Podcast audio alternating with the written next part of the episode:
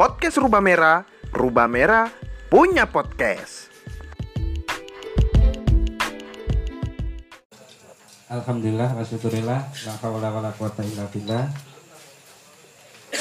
Yang berbahagia teman-teman di sini yang sudah hadir dan rela menunggu sampai ketika narasumber sudah lengkap. Hari ini sesuai dengan yang dipublikasikan dan tadi disampaikan oleh MC, kita akan eh, berdiskusi uh, belenjeti termasuk nanti juga tanya jawab memberi masukan dan lain-lain mengenai teater Gresik kini dan nanti. Hadir di tengah-tengah kita sebenarnya ada empat yang diundang kemarin.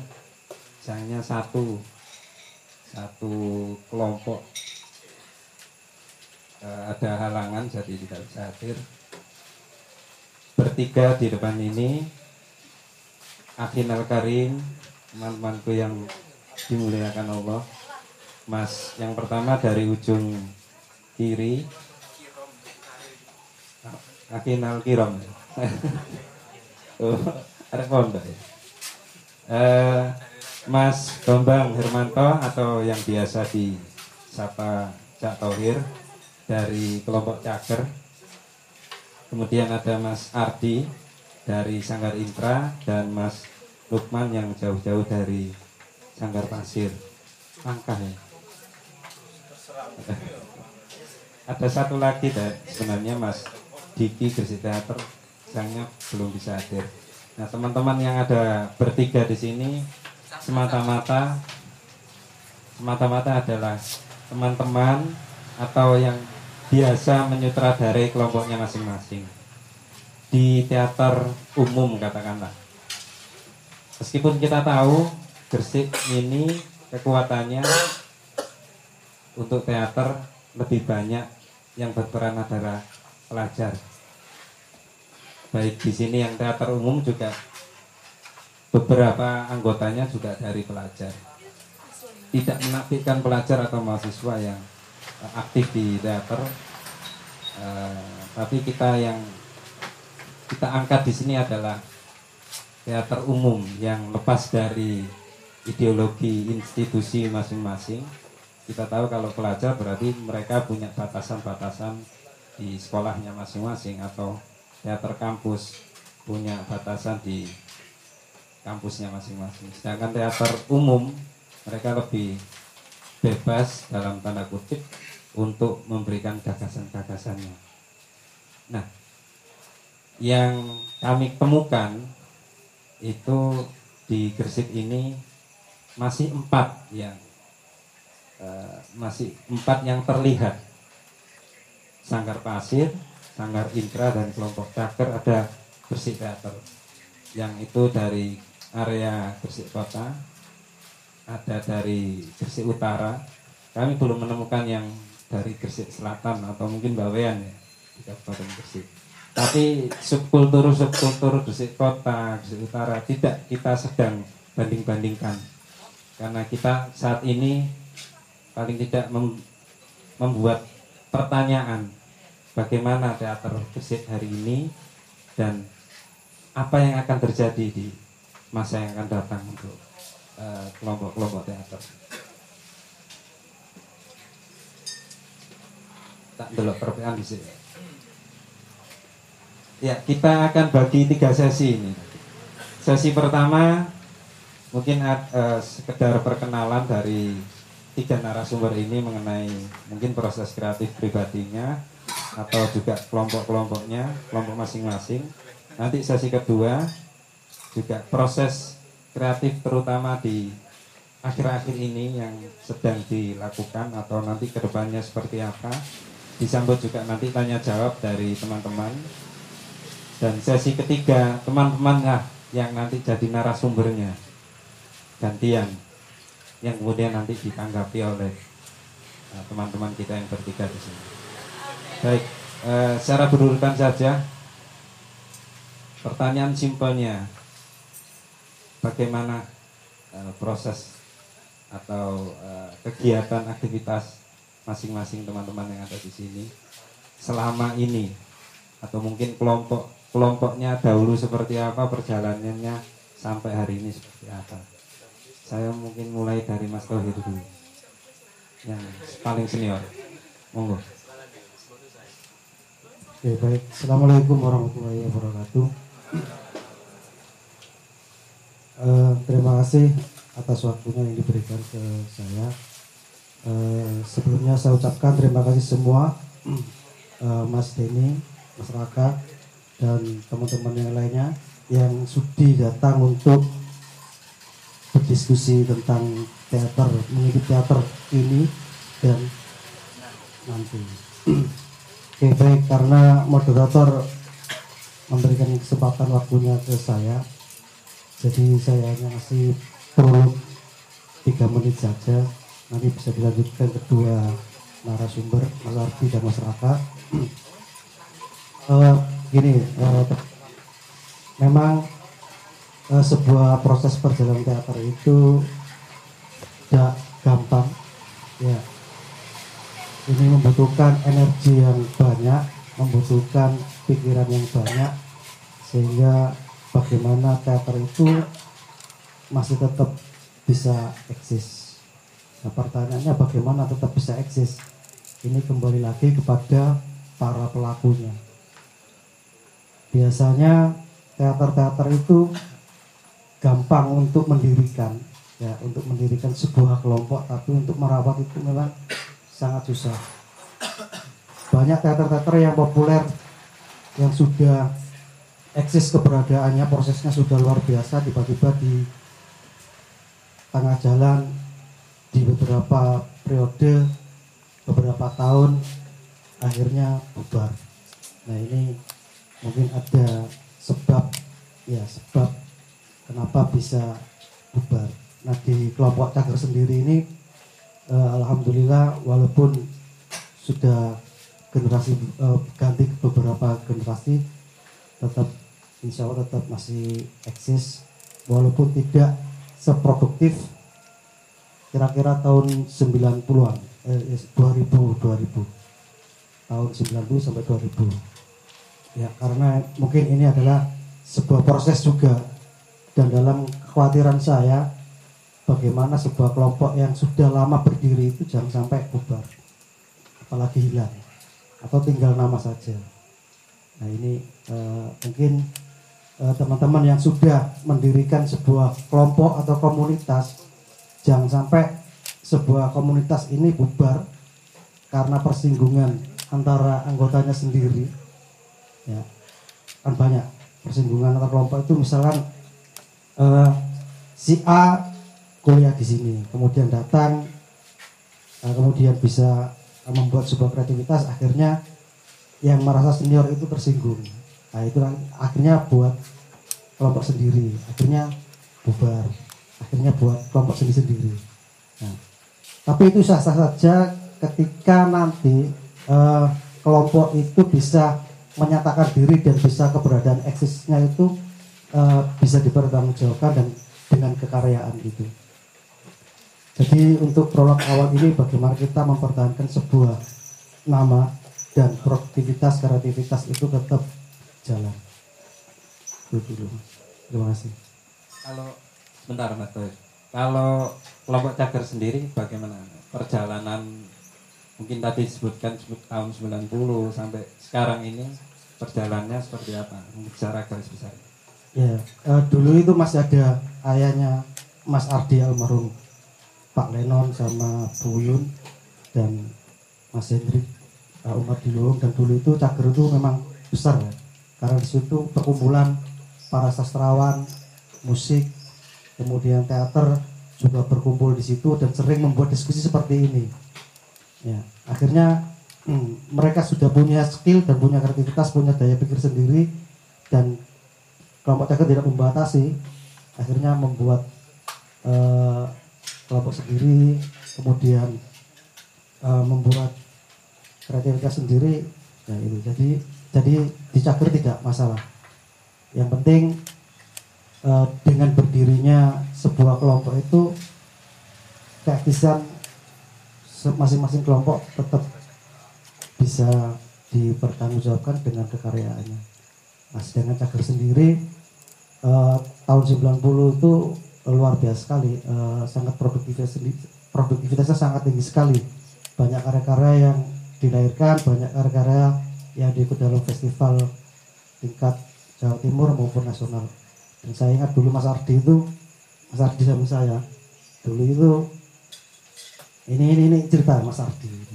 Mas Ardi itu waktu kecil itu sering digendong sama Pak Leno almarhum tidur di itu kalau ayahnya ngajar latihan olah tubuh olah suara gitu Mas Ardi tidur kan di samping gitu.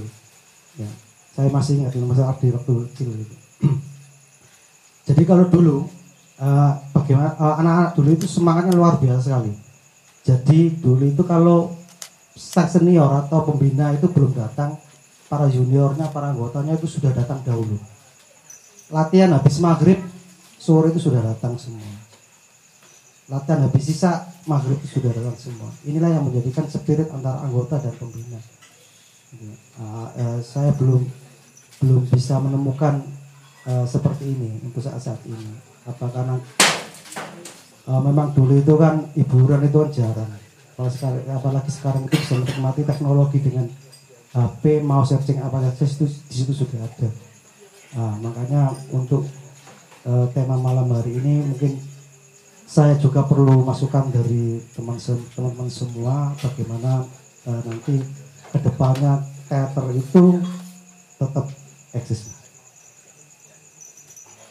Terima kasih Mas Tohir. Eh, Teman-teman mungkin ada beberapa yang sudah sempat membaca apa itu namanya ya, fotokopian ya, fotokopian mengenai layar tentang pengantar eh, dari diskusi malam ini yang bisa dikatakan itu kita menilik mengintip sedikit mengenai teater Gresik beberapa puluh tahun yang lalu sampai sekarang dan eh, barangkali saya salah. Semoga saja benar.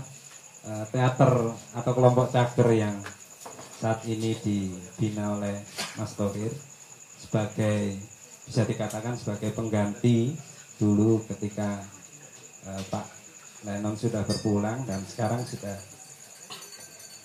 berpindah tampuk kepemimpinannya eh, ke Mas Tohir.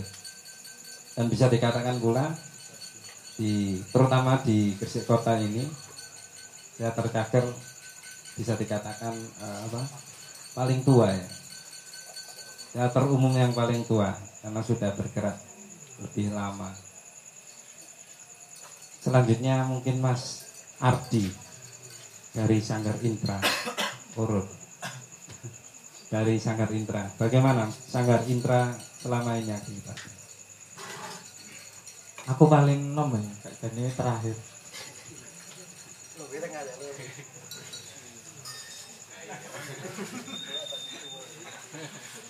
Assalamualaikum warahmatullahi wabarakatuh. Eh, jika apa? Pertanyaan ini mau?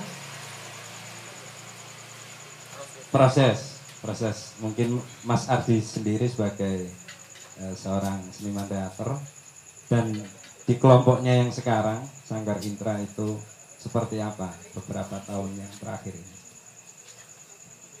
Ya, eh, mohon izin Bapak Kanjeng Dimas Kopral dan Bapak Raja Islami eh, struktural Sanggar Intra. Sebenarnya yang pantas menjelaskan Sanggar Intra mereka ya. Setahu saya itu Sanggar Intra itu adalah alumni dari SMA Muhammadiyah 1 yang dulu tergabung dalam Intra. Nah, eh ekstra.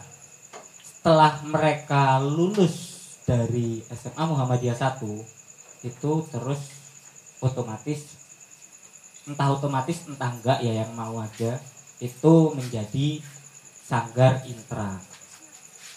Cuman di beberapa tahun terakhir karena kalau kita ngomongkan regenerasinya hanya dari satu tempat satu SMA mungkin eh, mereka lulus sekolah ya langsung kuliah ke mana ke mana ke mana gitu dan hanya beberapa yang tersisa di Gresik.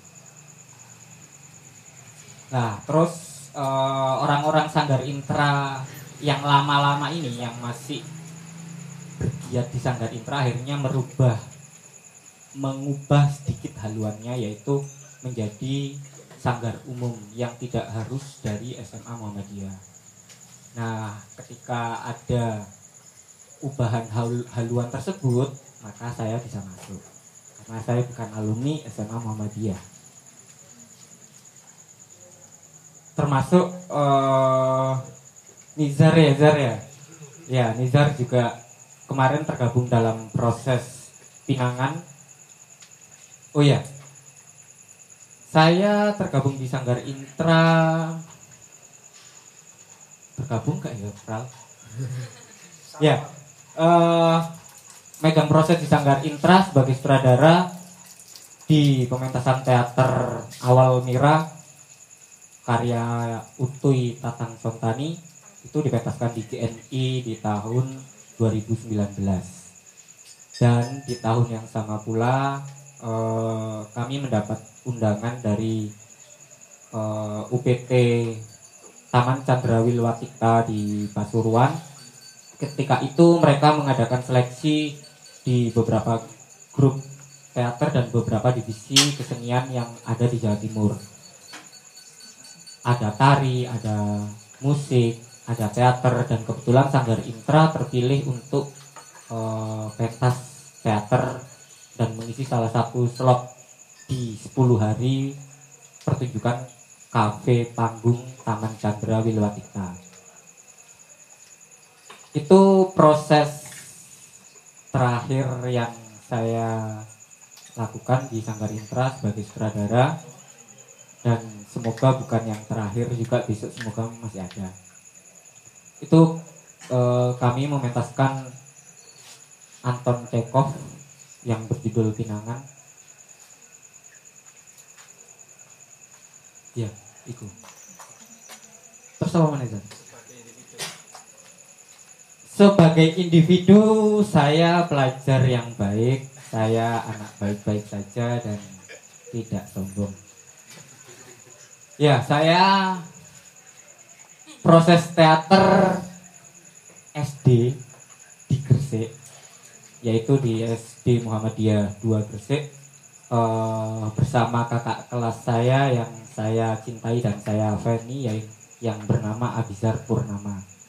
Itu sejak SD kami sudah keliling-keliling pentas di Jawa Timur, baik itu teater, pantomim, ludrukan, hanya parian atau apa pun.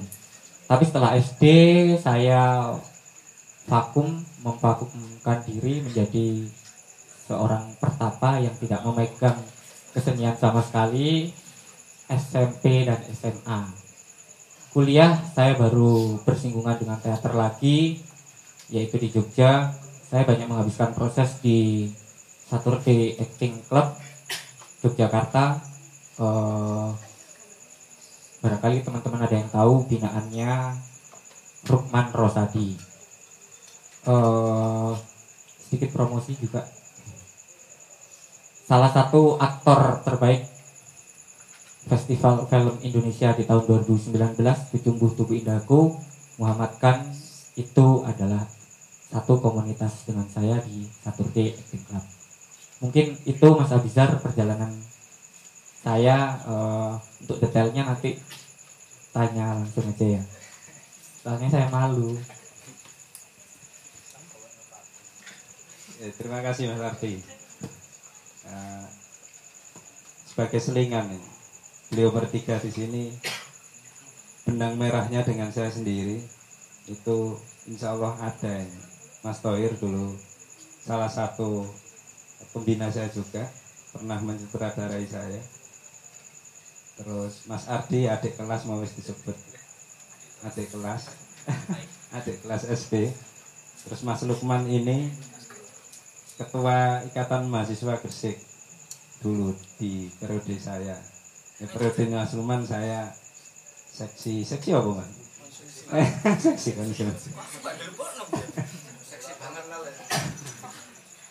Jadi insya Allah ini orang-orang lama bagi saya, tapi kita eh, banyak nanti berdiskusi. Selanjutnya Mas Lukman dari Sanggar Pasir yang akhir-akhir ini gerakannya cukup masif dan sangat aktif. Ini se- sebagaimana aktifnya itu dimulai dari apa sampai sekarang ini seperti apa prosesnya? Monggo Mas.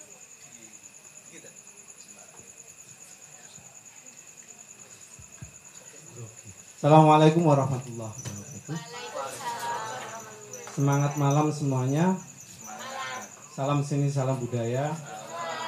Saya agak izin nggak apa-apa ya. Berangkatnya agak susah soalnya saya melihat kata mengintip itu sudah izin sama objeknya apa belum. Saya teringat dengan tetangga saya dulu di tahun 90-an itu anak-anak kecil ngintip itu pekerja pabrik cewek bahenol itu terus lubang kecil itu habis maghrib itu biasanya mandi, mandi air hangat. Itu ngintip gitu. Nah ini ngintip yang mana? Ngintip yang ini tanpa izin objeknya apa izin objeknya? Kalau izin objeknya nanti bisa ngintip itu seperti ngintipnya orang buat nasi nasi tim itu terus kemudian kelamaan terus jadi intip terus dikasih air mentah itu diminum itu seger itu. Milih yang mana ini teman-teman kalau dilihat dari situ kata mengintip saya sebenarnya lebih setuju sama kaleidoskopnya selama 30 tahun terakhir ini memandang teater di Gresik. Saya lebih setuju iya memandang teater di Gresik itu apa. Karena di proses perjalanannya ada Profesor Sutanto itu di eh, apa itu teater 13 kita tidak bisa menafikan mereka. Terus bergerak di wilayah seni tradisi juga pertunjukan Pak Ucok itu juga dia beliau juga bergerak kemarin saya sempat iseng ke Perbusda itu ketemu dengan Pak Agus. Eh, salah satu kepala sekolah di Romos ini sering buat teater dulu terus termasuk orang teater tua. Punya koleksi buku banyak OE OE itu banyak beliau itu. Terus ada ahli manuskrip jadi kita banyak kecolongan. Sampai di wilayah utara itu saya ketemu dengan apa itu salah satu temannya Cak Non Gelandang itu juga ada. Jadi kita banyak benar Pak Cak Ali Sujono bilang kita itu banyak hilang. Orang-orang itu lenyap ke mana gitu. saya ngelacak ke situ. Oh ternyata teater di Inggris itu sangat banyak cuman energinya selalu berjalan. Dilihat dari ketokohannya dari segi tokoh itu di Gresik kota nggak lepas dengan namanya Pak Lenon Mahali. Beliau itu sangat antusias mendidik anak didiknya melalui teater umum atau sekolah itu tidak masalah. Sampai kalau kuliah tetap mereka berteater. Sampai anak eh melu teater itu hebat. itu. Berarti yang hebat di kita adalah tokoh dua itu. Sementara itu ya. Karena merawat teman-teman untuk masuk ruang kreativitas berteater ada M. Dunurain dikenal dengan Cak Roin ada Pak Lenan Mahali untuk memilah ke teater sekolah atau teater, teater umum nanti dulu itu itu kita pilih dulu di situ. Kita objektif di situ. Mereka berdua menggerakkan teater pelajar sampai beberapa anak itu melahirkan Abizar di kota dengan teater sanggal menurut alumni apa itu? Cepak itu. Menjadi cuma Pak dulu saya ingat itu. Saya sudah menjalin komunikasi dengan cepak semenjak tahun 2001 2000 2001 terus kemudian saya harus ke Jogja. Iseng-iseng di Jogja lah di sana main di teater. SK dolan anggota resmi seneng saya formal terus kemudian masuk di sanggar dewi sanggar Jogja. terus di sini ketemu dengan Cak Roin mengajak lagi berteater lagi. Saya enak. Teater ini mengganggu aktivitas kedirian saya enak-enak ngopi diganggu teater itu aja nah di ruang itu di ruang pabrik teater itu melewati kurun yang energinya diteruskan oleh beberapa pihak. Cuman saya sangat kecewa dengan beberapa teman yang energi orang-orang tua ini tidak diambil dengan masif kita asik terkecoh dengan setiap orang harus jadi kepala. Dan itu berbahaya untuk iklim yang digelisahkan untuk eksistensi sebuah kelompok teater. Itu berbahaya dan kembali kepada personal masing-masing. Kalau pengen eksis kita pertahankan komunikasi. Itu yang pertama. Yang kedua ada eksklusivitas antara kota dan desa. Yang desa seolah minder ke kota yang kota nggak mau ke desa. Sedangkan di era revolusi industri yang keempat ini bahkan revolusi sosial eh, eh, society bukan for apa bukan for lagi tapi 5.0 itu masuk budaya manual. Di Jerman sudah budaya manual kita masuk digital itu di era digital itu kita tertinggal sudah mereka sudah backup data datanya ada data yang sifatnya online atau data e itu elektronik, yang satunya data manual. Di teater kita itu data manualnya banyak tapi tercecer. Kemudian data elektronik itu kita berfoya-foya di medsos. Setiap orang punya hak untuk mempublikasikan dirinya dan kelompoknya. Sehingga ada ekosentris kelompok saya paling utama, yang lain tidak ada gitu. Nah, eksklusivitas itu muncul. Di era posmo itu, di era posmo kita memasuki ruang itu. Nah, berteater itu begitu. Yang intent adalah orang yang terus masterpiece satu kali pertunjukan dia jadi bagus, itu tidak punya makna kecuali dia punya intent sampai 10 sampai 20 tahun lagi. Baru dia masuk ke ruang itu karena ruang percepatan ruang dan waktu ini sangat masif dan dasar. Sampai kelasnya di Jakarta pun renyah nanti kita. Apalagi kelas Gresik. Saya cek bagi mereka itu. Ada wacana, ada wacana masuk kemarin di apa namanya PTN itu. Masuk ke ruang ada eh, kanon kanon di wilayah tradisi ada proses tradisi dan teater berbasis riset. Gresik sudah melakukan itu atau belum? Ini yang lagi booming di era sekarang. Terus kemudian teman-teman masih asik dengan gaya nostalgia di masa lalu masa lalu itu. Itu berbahaya itu nostalgia dan kita masuk ruang ruang ruang yang sangat mencemaskan dan mencengangkan dan saya tidak heran karena kota itu sudah meledakkan tubuhnya setiap desa menjadi kota kota menjadi desa jadi nanti nggak ada batas antara kota dan desa. Pengen bukti. Zaman pergi ke utara orang sudah perilakunya seperti kota. Dan orang kota pengen seperti desa. Dari kota dan desa sudah menjadi semu. Nah teater gimana nantinya? Polanya ke mana ke teater itu? Mau asik dengan dirinya sendiri atau membuka keran eksklu, apa itu inklusif. Jadi mereka sudah inklusif, bukan eksklusif lagi. Tokoh yang mengajarkan ke, ke kita tokoh-tokoh itu mereka seolah-olah dulu Tuhan itu membuat sebuah apa sesuatu yang menarik seolah-olah konflik tapi tidak mereka itu mendidik kita dengan sangat asik. Jadi ada kompetisi di situ. Bukan seperti platform yang apa itu kawan lawan tapi tidak nanti di era yang kita masuki adalah era kompetitor kompetitor kita saling berkompetisi di dalam berteater Bahkan antara kota dan desa akan mengalami sinergitas program. Kalau di sini ada acara mengundang di sana, tanpa dibiaya pun mereka datang. Sebaliknya di sini nanti akan mengalami kangen dengan suasana di sana, pengen ikut nimbrung bersama-sama itu. Nah di beberapa tahun yang saya amati sebelumnya itu kita tidak berdialog secara intens. Bahkan di fenomena rumah budaya kemarin itu ada pola intensitas itu mulai dibangun beberapa teman dari cagar kayak cagar ini Mbak Siwur ke sana. Itu mulai terbangun. Dan nanti yang lain itu akan mengikuti ke sana. Dan di hari ini kita menjawab itu. Kalau kalau dulu saya ngamati di apa itu di gedung pemuda gedung pemuda itu oke. Teman-teman sini itu mohon maaf ya. Yang ngom, yang diomongkan itu dirinya sendiri. Kalau ngomong dirinya sendiri nanti nggak asik. Tapi kalau cakrawala kebudayaan ngomong teater Gresik seluruh Gresik dibaca. Seluruh Gresik diomongkan kepada seluruh wilayah Jawa Timur dan nasional bahkan internasional. Dan teater Gresik kalau tolak ukur sekarang itu pelajar.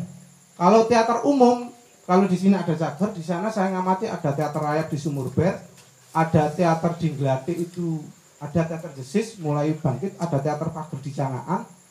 Jadi itu umum semua. Tapi mereka itu tidak bisa memasuki ruang publik yang namanya koran dan media. Tidak diakses publik, tapi mereka enjoy. Dan itu energinya sekarang mulai memasuki ruang ini, media online ini masuk. Jadi setiap orang punya hak untuk mempublikasikan dirinya, untuk menemui kapabilitas dan kualitas dirinya, untuk menemui langsung. Asalnya begini, tak contohkan teman-teman kota Seser. Lepas dari Dewan Kesenian Gresik langsung ke KJT. Itu kerjasama langsung jalan itu, langsung. tanpa melewati prosedural ini. Karena namanya Dewan Kesenian adalah bayi bajang kesenian dan produk kebudayaan, bayi bajang namanya bayi bajang itu otomatis mereka tidak normal. Ketika tidak normal pasti konflik, rebutan di situ. Itu kacamata kebudayaan sudah kompleksitasnya pasti muncul. Itu dalam penyakit komplikasi pasti itu. Itu akan berjalan. Itu lompatan ada lompatan di situ. Nah, persaingan seperti ini tuh harus mulai dileburkan. Ada di titik tertentu mengalami kerjasama. Di sini mengadakan acara ngundang sana yang isi kemarin sudah dijawab oleh acara yang Abizar itu. Teman-teman pentas dengan teater alwi terus kemudian dibawa ke Semansa itu. Ada peleburan. Mulai. Kalau dulu tidak mau anti dengan itu nah hari ini sudah menjawab karena Tuhan itu adil kasih konflik dulu. Karena alam semesta harus diciptakan dengan chaos dulu untuk menemukan stabilitas itu nah cuman kesadaran itu belum muncul karena Tuhan sangat adil. Kesadaran dibangun dengan non conscious kesadaran yang bersumber pada sesuatu yang tidak berkesadaran. Nah itu asik. Kita tidak sadar tapi kita diarahkan ke sana. Jadi Gresik benar kota santri itu energinya energi teater masuk ke ruang ruang situ. Saya itu pernah komunikasi dengan Mas Tohir itu lupa. Saya dari Jogja dengan Mas Dedi teman dari Asdafi membuat acara pantomim teater dan tari di gedung P dan Kai itu pakai alatnya cagar semua. Kita bawa kosongan. Orang bawa apa-apa. Mas Tohir lupa. Saya dimasuki gang masuk situ ke kampung lumpur itu mas. Ngambil alatnya difasilitasi sama teman-teman cakur mungkin mereka lupa. Saya kemudian bersembunyi di ah, teman-teman kota seger itu lebih aman ya lebih lebih menikmati ambil jarak di dalam situ. Yang keluar siapa? Di kota seger itu melahirkan dua tokoh. Yang menurut saya, saya saya amati dari menjadi orang luar. Ada namanya Yudi Amin sama Diki Panca Aulia yang kedua ada namanya sekarang dulu Batek sama Sola sekarang di jembatan sama Denny Jazuli. Teman dari Jogja lebih senior dari saya yang berhak ngomong di sini sebenarnya untuk ngomong teater itu ada namanya Yudi Amin sama Diki Panca Aulia karena masing-masing memiliki anu, kerja kreatif dan kerja komunitas. Dua-duanya punya itu. Di Yudi Amin itu dia sampai ke wilayah Lamongan masuk ke dia. Secara tokoh ya. Dari sudut pandang tokoh itu masuk ke Yudi. Sampai ke Paciran. Sampai ke karhubungan sama Unisda pasti namanya Yudi Amin disebut. Yudi SWT itu kalau di Gresik pasti ketemu dengan namanya Diki Panca Ulia pasti di Gresik Teater. Saya pernah terlibat di Gresik Teater juga saya paham juga masuk di Jawa Timur di Lampu berkali-kali di Festival Seni Surabaya. Masuk ke situ dia. Masuk ke ruang situ. Tidak harus main tapi masuk menjadi kru dan Caroin itu mengkader teman-teman ada yang kru ada yang setting ada yang jadi aktor yang Caroin punya. Beliau visioner tetapi ada satu satu yang sedikit kurang itu di memperlihatkan secara sosoknya untuk di atas panggung. Mungkin di, di teater itu menurut itu tidak asik. Tetapi di sisi yang tertentu tertentu regenerasinya menarik orang ini menarik. Pak Lenan bergerak di kota Caroin bergerak di pinggiran sana.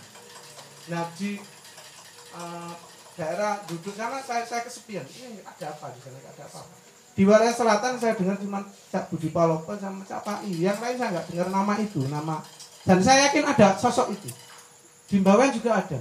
Nah kita itu kalau ngomong teater Gresik secara keseluruhan dengan culture industri dan santri dengan masuk wilayah budaya mi- milenial kita- kita di- dikasih pilihan percepatan ruang dan waktu seperti ini konflik yang dulunya menjadi landasan historis untuk bertikai itu menjadi lebur, menjadi historis. Di arkeologi pengetahuan namanya discontinue. Tidak harus diteruskan kalau ada konflik, tapi untuk mencari stabilitas adalah menemukan titik awal pemberangkatan baru untuk menuju sesuatu yang asik. Nah, asiknya di on teater ongoing proses sama teater ongoing project. Nah, kalau teman-teman masuk ke teater ke titik awal menjadi just beginning, di malam ini adalah just beginning untuk menjembatani sinergitas antara utara, selatan atau timur di empat arah mata angin itu sampai ke arah Bawean, Gresik nanti akan dianggap yang umum itu akan menjadi barometer. Kalau yang pre- yang pelajar sudah menjadi barometer, itu jasanya dua orang ini. Diteruskan dari- kalau Pak Renan sama teman-teman cater, saya tidak hafal nama-namanya. Kalau di utara yang paling dominan yang terlihat adalah yang pertama itu Yudi Amin sama yang di sini di Panca Ulia. Kalau di sini lulusan Semansa Yudi Amin lulusan Sumur Bed sekolahnya. Nah kalau dipandang semua itu jasanya orang besar, orang yang sangat banyak sekali. Ada namanya Ali Sujono, ada namanya Pak Surur, Pak Alimin Almarhum di utara. Cak Roy tidak sendiri, banyak orang-orang. Di sini saya yakin Pak Len tidak sendiri. Ada waduh siapa? Mereka itu mensumbangsi energi pengetahuannya dan orang-orang ini adalah orang yang memiliki idealitas tinggi di dalam teater. Kemudian kita punya kadang benturan di konflik tertentu itu materialisme di dalam teater. Ada idealistik dan materialistik dalam teater. Nah, yang sering kali perilaku dan hasil artefak pertunjukan teater atau proses ini mengalami benturan kalau masuk di ruang ini, masuk ke ruang perilaku dan ruang yang kedua adalah ruang ini ruang apa namanya? Artefak atau hasil karyanya. Karyaku harus begini saya yang paling bagus ini kamu jelek itu masuk ruang itu nah ruang idealistik itu ada di dua orang ini. Meskipun almarhum Pak Leno tidak ada tapi beliau hadir di sini. Dan sebelumnya ada Pak Tanto beliau masih hidup. Itu teman akrabnya almarhum W. Serindra dan dia tetap selalu memantau musik kondisi teater di Indonesia. Di sini ada Pak Taufik Haris. Ada beliau dari salah satu pengurus salah satu advokat makam-makam wali setana Jawa. Itu kepunyaan kita di Gresik ngomong teater enak banget dan kita tidak pernah komunikasi dengan mereka. Ya orang-orang ini minggir nggak tahu ada apa itu. Tetapi mereka punya nilai idealistik di dalam teater. Mereka ini ngaji nih ngomong kuwi enak banget. Saya ketemu di Jogja dengan Pak Babang Darto itu dosen isi itu juga begitu. Sama seniornya Asdrafi itu kalau ngomong satu jam itu. Kalau sama kue sendian di jadi mereka sudah hidupnya sehari-hari tukang tambal ban Bayangkan, wong teater tuh nggak tambal ban jadi. Padahal di pada masanya itu gitu. Ada satu orang namanya Pak Edi itu. Tugasnya sama W. Rendra itu hanya mencari dana untuk pentas. Wong era terkenal bahwa belas wong. Dodolan yang pasar gawe menghidupi pentasnya Rendra. Ada saya ketemu dengan orang gitu, asik. Orang gini yang asik bagi saya menarik dibanding orang yang di publik ini. Selalu nongol di publik, di panggung, dan tapi orang ini tidak butuh penghargaan seniman Jawa, tidak butuh.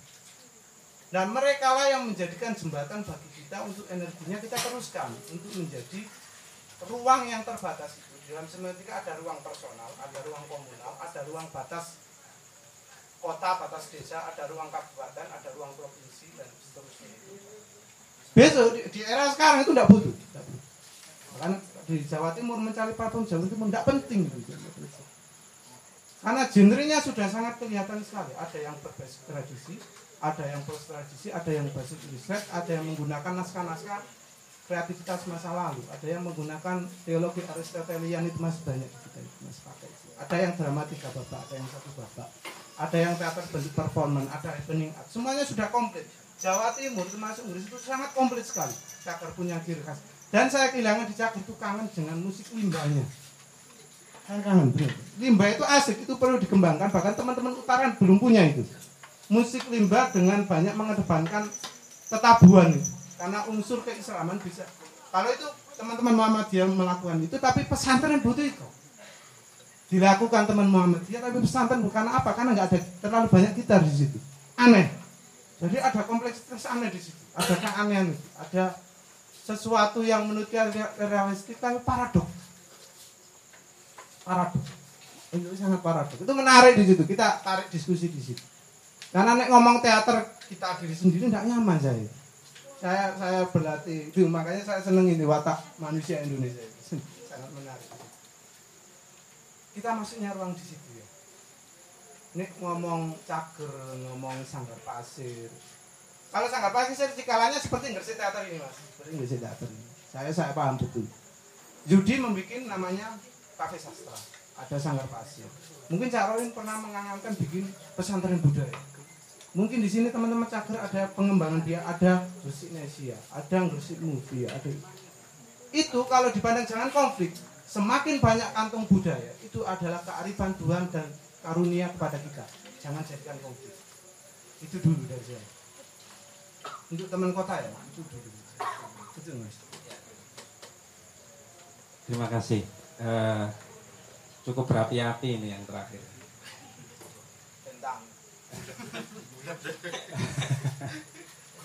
ya, saya sedikit uh, memberi apa mencatat beberapa yang tadi disampaikan, termasuk dari yang terakhir tadi.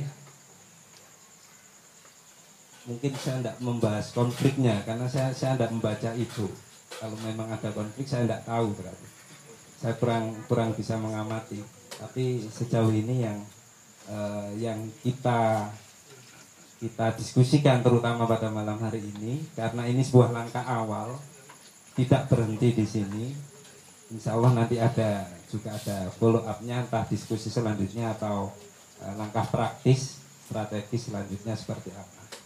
Paling tidak dari dari teman-teman yang di sini juga mewakili kelompoknya masing-masing tentunya punya apa ya semacam gagasan gagasan utama dari setiap kelompok itu seperti apa. Paling tidak eh, setiap kali akan menyelenggarakan pementasan itu ingin se- sebagian besar ingin menawarkan gagasan yang seperti apa. Itu dulu mungkin. Kita kita ndak ndak terlalu eh, melebar ke mana-mana tapi kita coba eh, kita belajar dari paling tidak dari tiga ini sebelumnya memang bersih teater di berhalangan hadir mas sudah sudah diundang. jadi paling tidak dari kelompok cager dari sanggar intra dari sanggar pasir eh, gagasan-gagasan apa yang sering kali menjadi kegelisahan masing-masing yang itu mungkin mungkin ya bisa jadi sebagai langkah awal kita memandang lah kalau kita tidak nyebut mengintip memandang teater Gresik sekarang ini dan mungkin yang nanti ini baru kita intip ya. Kita intip kita terka teater Gresik nanti itu seperti apa. Ini coba. Tawaran gagasan apa yang sering kali di teman-teman masing-masing ini tawarkan ke penonton Mas Ardi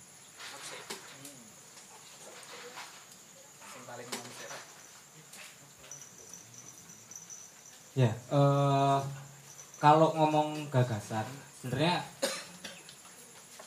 saya nggak tahu perjalanan dulunya Sanggar Intra seperti apa, cuman eh, di awal ya di beberapa kali ini kalau saya sih pingin eh, belajar belajar dari dari awal gimana sih berteater itu gitu juga karena Sanggar Intra juga eh, baru membuka diri menjadi komunitas umum maka otomatis banyak teman-teman yang tergabung di Sanggar Intra yang notabene itu eh, nol. Nol gitu. Ya karena saya dapat metode pelatihan teaternya di sana apa yang saya dapat ya saya terapkan dulu. Eh, untuk untuk penerapan di Sanggar Intra ya kami kemarin baru coba mencari bentuk-bentuk teater. Sebenarnya kita mau mau gimana sih gitu? Mau gimana? Apa kita mau ngomong teater riset atau teater akrobat? Atau malah justru kita tarik ke dasar dulu mungkin klasik mungkin realis baru nanti kita eh, belajar tentang surrealis jadi konteks di sini kalau untuk yang terjadi di Sanggar Intra kami baru baru meraba Zar. baru meraba bentuk-bentuk yang ada dan eh, kita coba semuanya. Sebagai metode pembelajaran bersama eh, gimana sih kalau teater realis itu? Gimana sih kalau surrealis itu? Gimana sih kalau teater komedi? Atau nanti basicnya teater riset atau akrobat atau disebut teater tubuh atau nanti lebih dalam lagi kita mengenal tentang dance theater dan lain-lain. Itu nanti. Cuman eh, yang terjadi pada saat ini eh, kami baru meraba meraba beberapa jenis teater itu gitu Zat. Sanggar Intra masih meraba masih mencari-cari. Mas Tohir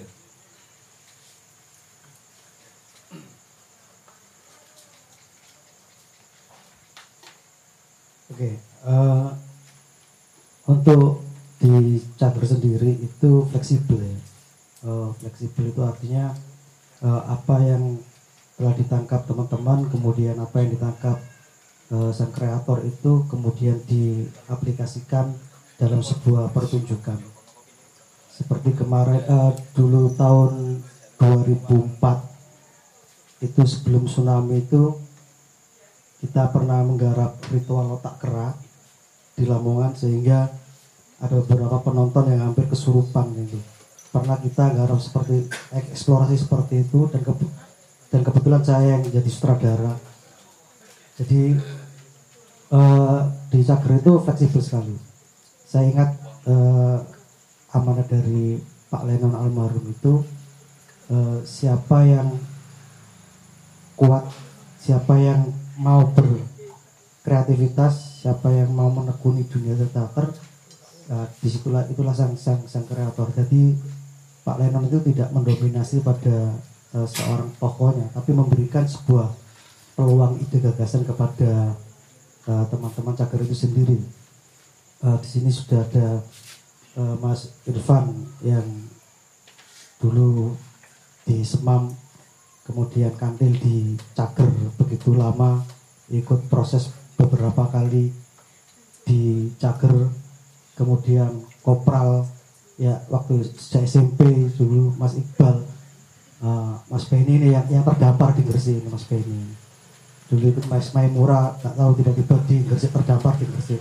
Akhirnya yang dipilih teater Cager.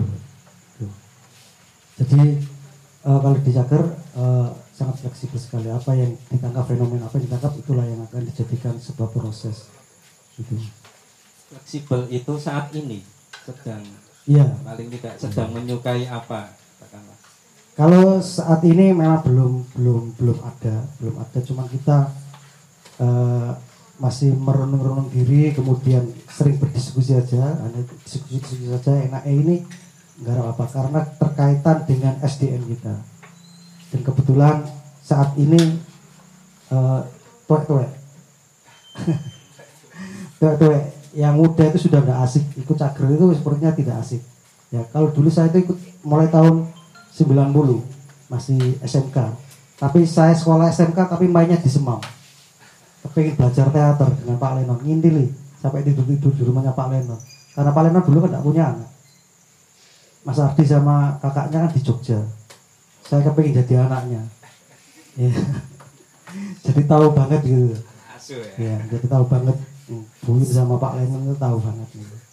banyak saya tuh kalau diseneni Pak Lenon itu nggak pernah bantah ya apa yang diomongan saya turut karena saya kepingin belajar ilmunya belajar kesabarannya itu yang yang yang perlu eh, saya ambil nah kesabaran di teater ini yang yang, yang perlu ditanamkan oleh teman-teman muda ini. Kesabaran ini yang perlu merawat mulai merawat membuat sebuah kelompok berkreativitas ini yang diperlukan kesabar, kesabaran. Tadi yang sudah dikatakan Mas Raket eh, kalau konflik itu hal yang biasa mungkin itu adalah anugerah Tuhan supaya menjadi personal-personal yang punya gagasan. Hmm. dulu Mas Ardi juga begitu dari Jogja itu pengen gabung dengan Cager. Mungkin di Cager juga mungkin dia merasa muda, oh gak nyaman ya mungkin gitu. Jadi nggak apa-apa. Nah. kita pun juga nggak menutup. Kok ya apa sih di? Bapak mau Cager ya pengen ya nggak apa ya. Lain lagi kalau Pak masih hidup ya nggak tahu.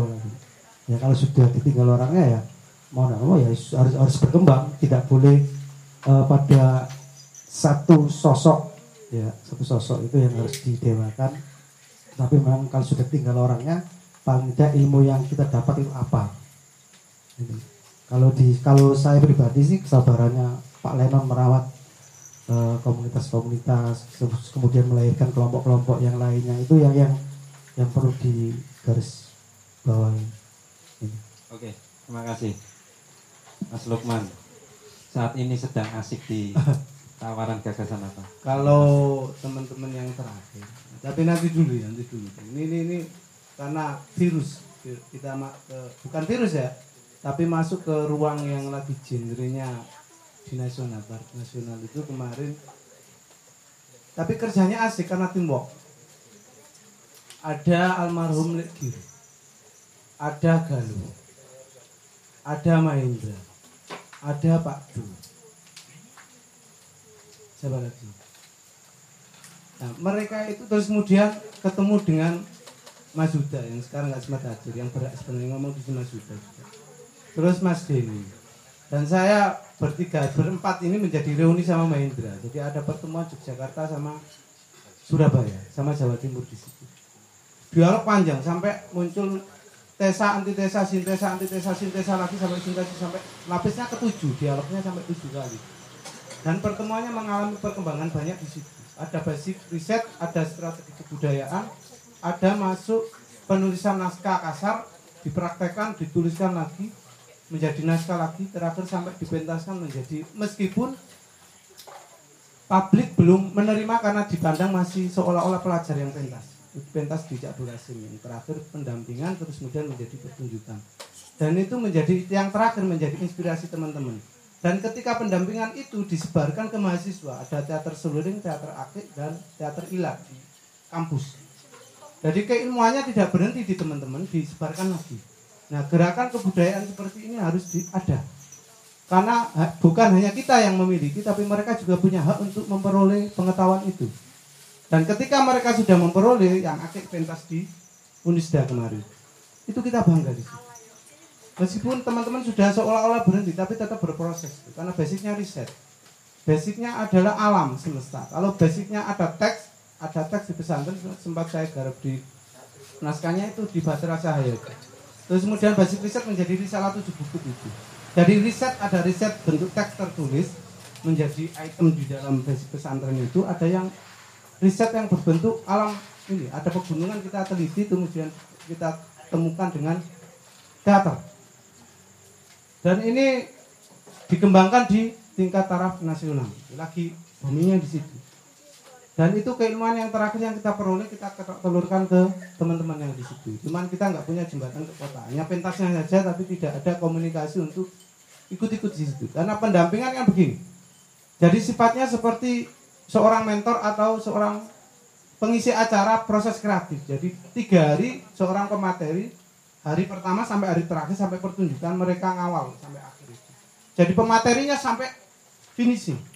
Bukan dua jam terus kemudian dia pergi eh, asik-asik ngopi bahkan pulang. Enggak, itu dua tahun terakhir ini untuk wilayah utara mengalami proses itu. Dan yang tua kayak Cak Roin, Yudi itu mereka ngawal dari samping. Mereka tidak pentas tapi ngawal. Itu ada peristiwa yang asik di situ. Ada itu saya bercerita bukan bukan apa ya, bukan apa-apa tapi itu adalah poin plus bagi teman-teman. Nah di kota saya tidak tahu ini ada perkembangan apa, tapi kemarin sempat pentas di Surabaya dengan gravitonya. Pentasnya kayak apa, tapi itu dari pelajar apa teater umum karena di parade tea- teater Jawa Timur itu umum apa pelajar itu saya tidak tahu itu, itu nggak ada urusan di situ. Tetapi ada poin plus teman-teman utara itu nanti diteruskan menjadi gagasan atau nanti kita cari genre yang baru. Karena kayak Pak Uda kemarin merasa puas untuk kikok gitu untuk bahwasanya model seperti ini kita bisa dan kita me- mencoba mencari kombinasi yang baru jadi tidak mau murni didikte sama hasil produk dari Jakarta itu yang dijembatani Jawa, Jawa Timur oleh Mahendra, Galuh dan Pak Du. Sekaligus Legir almarhum itu jadi teman-teman dikawal oleh orang ini. Dibantu melalui wacana melalui konteks eh, di dalam penggarapan proses penggarapan pertunjukan dan evaluasi. Bahkan sebelum pentas manjing di Cak Durasim itu kita sempat di briefing sama mereka itu. Dan ini menurut saya itu adalah keilmuan yang selalu berjalan. Jadi keilmuan selalu aktif bukan keilmuan yang pasif. Daya daya intelektualitas dan daya kreativitas ser- serta artefak ini tidak berhenti. Jadi tiga wujud kebudayaan ada ide gagasan ada namanya activity yang terakhir art- artefak itu muncul lagi menjadi gagasan lagi menjadi perilaku lagi menjadi tindakan lagi menjadi artefak lagi selalu berproses. Dan itu ilmu teater yang terakhir sampai ke kami. Semoga nanti juga sampai ke teman-teman sini. Kalau dari Pak Mas Toir sama Mas Ardi belum ngomong itu tadi. Dan itu bukan dari kami tetapi dari beberapa teman yang sudah berkecimpung lama di dunia teater di era kontemporer di era ini mereka ikut sampai Jakarta kemarin di saya pegang katalognya eh, PTN itu saya pegang juga. Belum tak sampaikan ke teman-teman hanya eh, Mas Budi tak kasih. Si konco-konco tak tahan dulu. Ini, ini lagi proses biar mandiri mencari proses kreativitas melalui di RBP kemarin gitu. jadi berkelanjutan. Sampai saya merasakan mohon maaf merasakan itu batas Gapuro Lamongan Gresik itu enggak ada. Saya secara pribadi batas antara Gapuro, Gresik, Lamongan, sebelah utara itu tidak ada. Tetapi batas Bengawan Solo itu masih ada, mohon maaf. Batas jembatan yang yang yang double ganda itu belum kita eh, nikmati dengan masif. Jembatan media melalui belum kita nikmati dengan enjoy, hanya sama-sama eksistensialis di publisitasnya masing-masing itu. Dan harapan saya nanti akan melebur di beberapa proses nanti. Karena activity on process, atau going on prosesnya yang lebih menarik. Kita mengalami fase itu. Di sini. Itu pengalaman teman-teman, tapi tidak berdiri sendiri. Dan ini menarik karena kita tidak berdiri sendiri. Kita itu semuanya adalah komponen di dalam teater adalah satu kesatuan dan ke- keabadian sekaligus asas universal di dalam kesenian jalan. Itu yang menarik.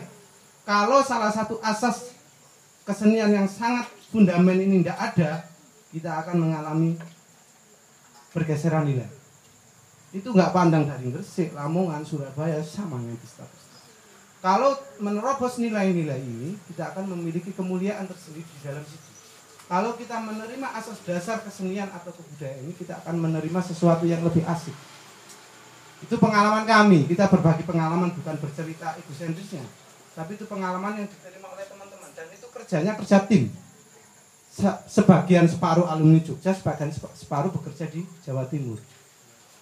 Itu menarik. Kalau kerja Jawa Timur itu masuk ruang di Gresik Utara, saya tidak tahu kok ini dilewati saya tidak tahu. Mungkin itu ulahnya Pak Du. Dan ini kalau dicoba di tempat lain belum tentu, belum tentu bisa. Belum tentu bisa. Dicoba saja nanti kalau komite teater Jawa Timur mencoba dengan sistem yang sama. Ini kan uji coba. Uji coba diterima oleh teman-teman. Uji cobanya itu. Ada riset, ada strategi kebudayaan, itu diolah menjadi naskah kasar, menjadi apa proses dicoba uji coba naskah kasar, menjadi pertunjukan lagi, saya olah menjadi konsep teater yang lumayan halus dan itu diterima oleh Galuh, Pak Dul, Gir. Itu juga bukan saya hanya menuliskan itu kerjasama semua orang, riset semua orang, strategi kebudayaan semua orang, penggarapan naskah semua orang. Nah ini nilai kolektivitas ide kolektif yang dijalankan dan itu dicoba sama Huda kemarin di RBB yang tahu Mas Benny. Gitu. Oke. Eh, teater berbasis riset yang saya garis bawahi. Beralih ke tanya jawab di sesi kedua ini. Barangkali dari teman-teman yang tidak duduk di sini ada pertanyaan atau koreksi atau masukan monggo. Saya tadi lihat absen ada dari Sangceh, ada Sadu. Sadu itu apa ya? Aku ini kurang gaul ya. Sadu ya. Oh, teater Semano dua. Oh. Kalau satu Nusa, kalau ini satu. Oh, oke oke. Salam kenal. Teater SMA. Ya, Semano dua. Monggo, barangkali ada yang memberikan tanggapan. Mas Denny, Mas Denny Jazuli, atau Mas Beni. Oh, mbaknya, ya, monggo. Pakai mic ya. Perkenalan baru dari mana? Ya, Assalamualaikum warahmatullahi wabarakatuh. Saya Silvi dari Sangce. Eh, ini baga- bagaimana eh, masukannya untuk para tokoh yang tiga ini? Sekarang kan zamannya era milenial.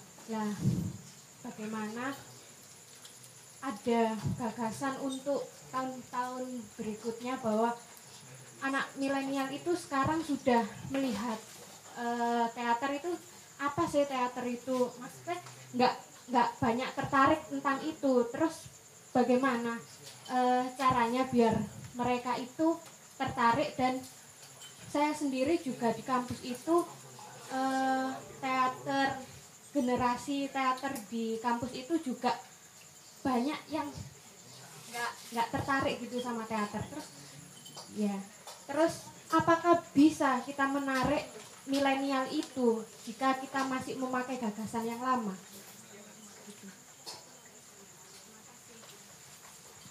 Oke, pertanyaan untuk masing-masing mungkin ada yang bisa mewakili menjawab atau masing-masing menjawab dua menitan ya.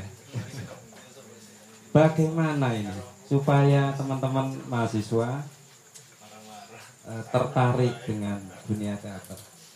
Mas Lukman dua menit Iya. Seperti budaya literasi itu. Anak-anak kalau disajikan buku ya baca. Anak-anak kalau disiapkan kemah budaya datang. Kalau disiap enggak, tapi kalau pesta gabungan itu kita anggap kegembiraan gabungan di RBB kemarin dua tahun yang lalu di lagi teman-teman bikin kemah budaya. Rame mbak. Mereka berduyun-duyun itu dan ketika sudah masuk ruang itu nggak mau pulang. Saya bawa anak didik dari SMK Igaul Ulum pak kok seneng pak? Lapo kok gak wingi-wingi? Kayak gitu jadi dibuka jembatan untuk makanya saya dari awal itu jangan ada eksklusivitas untuk, untuk yang tua-tua itu kita buka Kasan di sini bikin kemah budaya diselenggarakan oleh teman-teman cager bekerja sama dengan kota seger atau rumah budaya Pantura itu sama Mas nanti. Itu akan lebih menarik. Dan kalau dulu sempat teman-teman kota seger bikin di perkemahan semen di sini tidak terlalu banyak malah wong lor-lor kayak domel gitu. Saya ngawati saja perkembangan itu kenapa. Terus kemudian di hari ini itu akan melebur. Eh, Ini adalah malam ini adalah jembatan memasuki gerbang ruangan itu. Dan itu dibuktikan ada. Dua tahun yang lalu HP sudah ini sudah ada ini. Rame.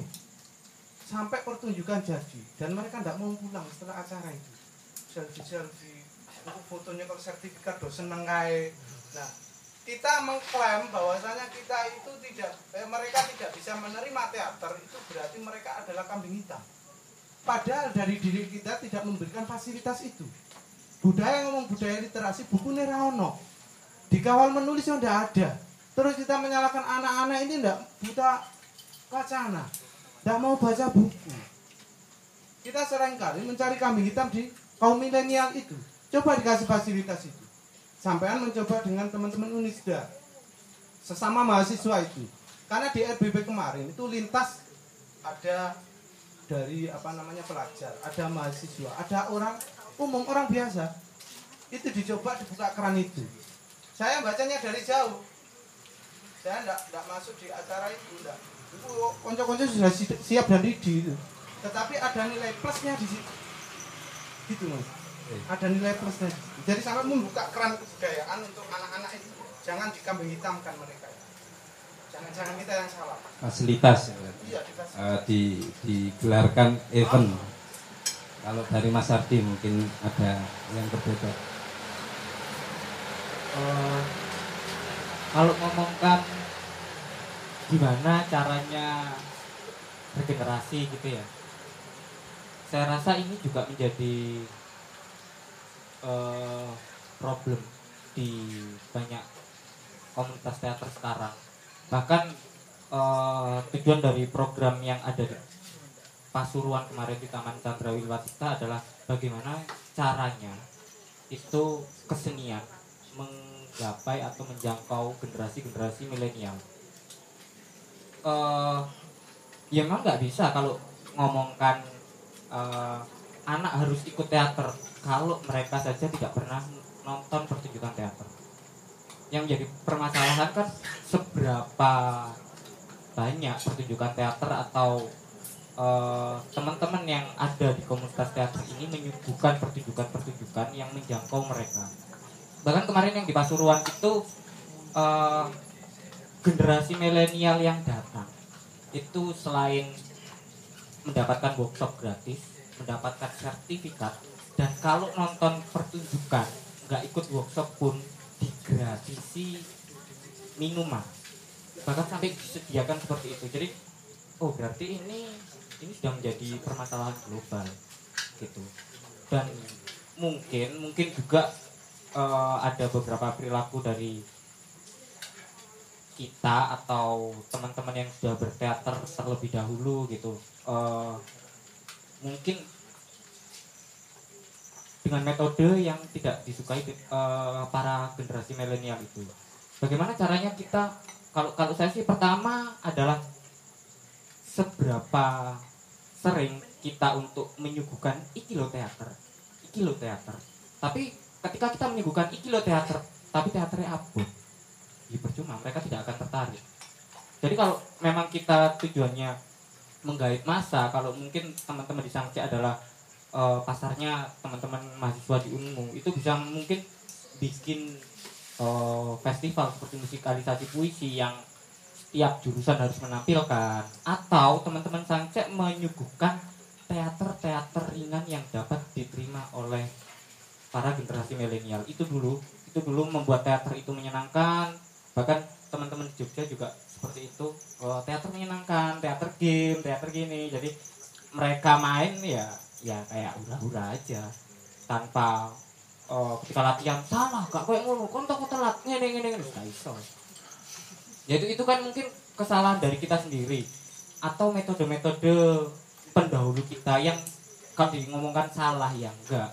Yaitu ngomongkan kedisiplinan juga tentang eh, komitmen juga. Cuman kalau itu diterapkan di para generasi milenial sekarang saya rasa enggak. Kita harus punya pendekatan-pendekatan lain termasuk kita mengadaptasi eh, mengadaptasi atau membuat karya-karya yang ringan yang bisa diterima oleh mereka dulu mereka melihat itu dulu pernah melihat baru kalau suka ya bergabung itu kalau saya Oke, pandangan pertama harus menyenangkan ya.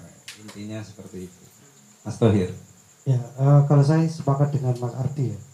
Eh, pertanyaannya adalah eh, apakah yang salah itu metodenya atau perilaku personalnya? Ya, misalkan kalau di kampus itu jam malamnya itu umbar-umbaran apa tidak? Apalagi anak-anak sekarang itu kan sudah banyak pegang HP, kemudian cari informasi apa pun di situ dapat generasi milenial itu kan milih tontonannya itu milih. Kalau gak asik ya gak males. Gitu. kalau asik nonton. Ya apalagi anak kampus itu sering ngintip mengintip. Mengintip dulu. Banyak anak-anak dari saya SMP kemudian SMA ketika sudah kuliah protol. Di teaternya protol. Padahal waktu SMA dia semangat sekali ketika masuk di kampus ternyata gak cocok. Ketika saya tanya masih aktif nggak di teater? Ah pak. Gak cocok pak gak kok sampai ya ngelatih gitu. Jadi eh, di sini pertanyaan adalah apakah metode yang disajikan itu salah apa tidak? Ya mau nggak mau memang harus eh, era sekarang itu harus merubah. Kalau zamannya W.S. Rendra itu kan olah pernafasan harus di pantai harus nyemplung pinggiran pantai gitu. Tapi itu masih eh, pas enggak dengan era sekarang? Apakah latihan olah tubuh itu harus mulet-mulet olah suara itu harus bengok-bengok gitu. Apakah harus enggak? Nah, makanya sekarang itu kan harus pinter-pinter eh, pengurus teater itu sendiri yang dianggap senior itu eh, membuat sebuah strategi bagaimana teater itu menarik menyenangkan. Kalau di Jogja itu di P4TK ada Mas Eko Ompong itu selalu mengedepankan teater game. Teater yang selalu menyenangkan. Kalau kita lihat kan teaternya kayak main-main gitu mas ya. Main-main tapi senang gitu anak-anak itu senang. Walaupun ringan kan senang. Dan saya selalu eh, ketika saya mengikuti pelatihannya Mas Eko di B4TK di Surabaya itu ya dilatihkan ya sering tuh teater game. Padahal sih dilatih tuh arek wong tua tua guru-guru tua-tua gitu. Tapi ya dilatihkan itu teater game. Karena apa? Karena untuk mencetak generasi berikutnya supaya teater itu bisa menyenangkan. Oke, hampir sama. Teater harus juga menyenangkan. Barangkali ada tanggapan yang lain dari teman-teman. Oke, Mas Muhrizul, teman-teman yang berkaos kuning ini orang Gresik, tapi saat ini aktif di Padepokan Bagong, Padepokan Seni Bagong Kusudiarja. Ketokane mari nyelawat anu ini. Mas Jadu. Monggo Mas Rizin. Eh, terima kasih kesempatannya selamat malam teman-teman. Saya Muhrizul dari Duduk benar. Eh, da- diskusi yang menarik dan dialog yang menarik ada beberapa hal yang saya catat. Salah satunya itu adalah teater pelajar. Di sini eh, di teksnya ini di redaksinya pelajar belum mampu menjadi garda depan tetapi juga ada permasalahan regenerasi bagi saya sangat menyenangkan sekali jika ada pelajar yang ngomong tentang masalahnya sendiri di sini. Karena kalau suaranya diwakili mungkin itu menimbulkan sesuatu yang lain. Dan yang kedua ini banyak sekali kata gagasan di dalam teks. Dan ya sangat membingungkan bagi saya. Tapi salah satu yang menarik dan juga sempat uh, muncul dalam dialog adalah masing-masing memiliki sutradara yang menjadi kepala dalam tanda petik untuk menafsirkan gagasan. Uh, apakah kecenderungan ini sutradara sebagai tokoh dalam suatu komunitas atau teater itu berjalan di Gresik sekarang? Karena uh, melihat fenomena seperti bengkel teater dengan Rendra. Ketika Rendra nggak ada, ya sudah dan tadi juga banyak sekali uh, tokoh-tokoh yang disebut di Gresik. Dan sekarang juga mengalami uh, teater apa tadi cager ditinggal pendahulunya. Uh, bagaimana pelaku-pelaku atau penggiat teater dalam melihat fenomena ini? Dan sudah ada contoh yang lain seperti itu. Terima kasih ini ya, berbicara tentang figur dalam suatu kelompok. Sepenting apa atau seberapa krusial peran sutradara atau kepala kepala atau pemimpin kelompoknya itu? Mungkin salah satu berkenan menjawab. Monggo. Mas Tohir? Ya, uh, masalah isu dari dari duduk ya. Oke, sama tidak usah bingung mas. Memang kalau sampai ikut arus bingung ya bingung terus. Terus apa yang sampai lakukan jadi bingung. Karena dengan kebingungan itu akan membuat tambah bingung. Jadi apa yang sampai tangkap ikuti aja dulu. Ya, ini ini ini resep pribadi saya. Ikuti dulu aja.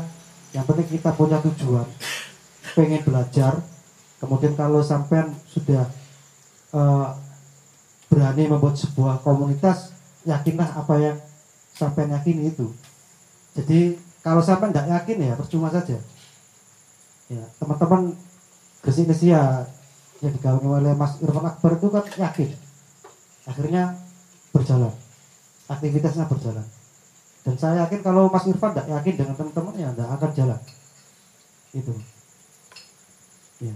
Yang Simpel penting aja. yang penting nyakuin ya. Iya. Nyakuin. Kemudian figur. Ya memang figur ini diperlukan sekali karena figur itu e, mempengaruhi pada sebuah komunitas itu sangat mempengaruhi sekali.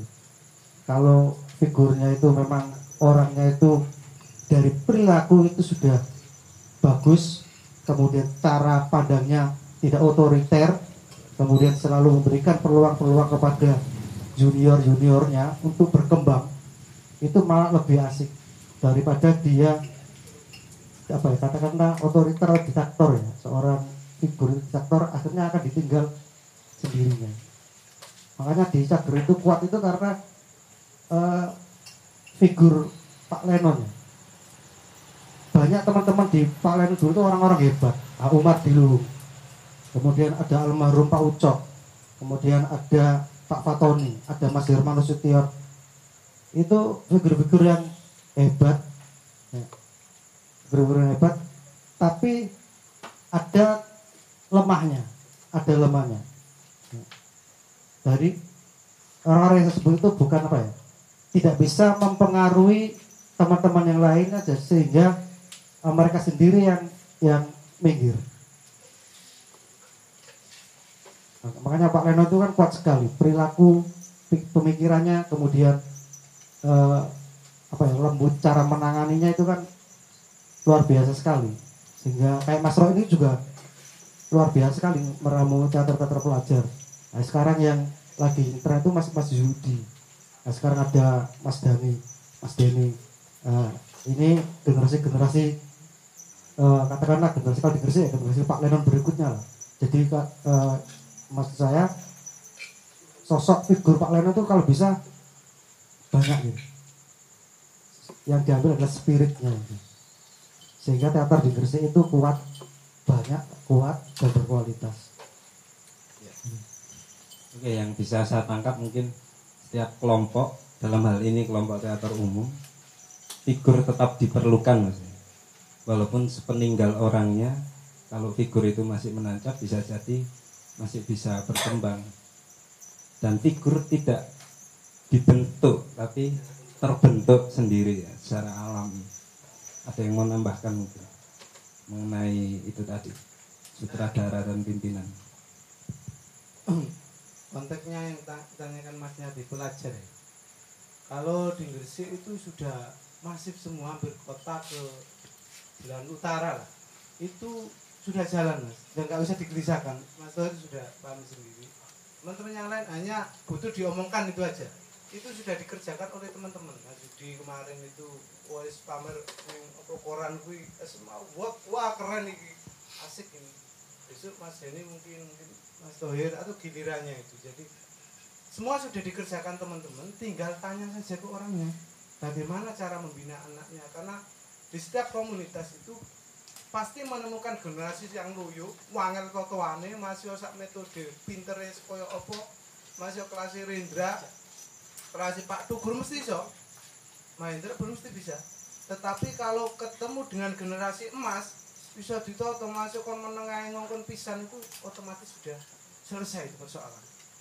Jadi nanti kalau ketemu figur untuk teater sekolah adalah pembina teater sekolahnya. Ada pelatih teater sekolah. Itu mendominasi bahkan mendominasi kepada pelajar. Dan pelajarnya kewan ya takon kui, takon mereka. Mereka nek balelo ya urusannya pembina ini. Dan pembina ini punya trik dan penanganan khusus terhadap anak didiknya masing-masing. Dibuktikan dengan beberapa teman di Gresik itu rata-rata di tingkat Jawa Timur itu juara mbok satu, mbok dua, mbok piye carane, mbok campur didongakno, mbok campur diombeni apa, tetep juara. Itu dari Gresik. Dan kemarin Gresik saya dengar-dengar menjadi salah satu barometer teater pelajar di Jawa Timur. Aplaus untuk kita, untuk pelajar ya. Poin plus dan itu perlu untuk kita pertahankan. Bagi teman-teman yang masih pembina termasuk saya, nanti juga mempertahankan itu. Jadi mempertahankan kualitas yang sudah diakui oleh pabrik bahkan tingkat birokrasi itu mengakui keberadaan teater pelajar. Cuman di teater umum dulu didominasi kekuatannya untuk kota di teater cager. Kami akui itu. Terus kemudian teman-teman akhirnya muncul kota seger yang lebih condong ke wilayah pelajar. Kemudian sering kali dapat undangan ke Jawa Timur sing tua-tua ya pembina itu ya pentas ya yang latih ya ngulangi. Itu pentas ada di Monkasel itu teater ruang pabrik terus di KTI itu ada tiang debu bersama Gresik Teater itu. Pernah terlibat banyak Gresik Teater, digawangi oleh Mas Diki sudah berkali-kali pentas bersama siapa itu? Si Tony itu sampai Jember juara opo kayak lah ya. Itu teman-teman sudah bisa baca terus kemudian teman-teman Cakri juga banyak menelurkan ide gagasannya dan juga pertunjukannya. Tetapi penghargaannya belum. Sudah sudah pernah secara Jawa Timur? Sudah.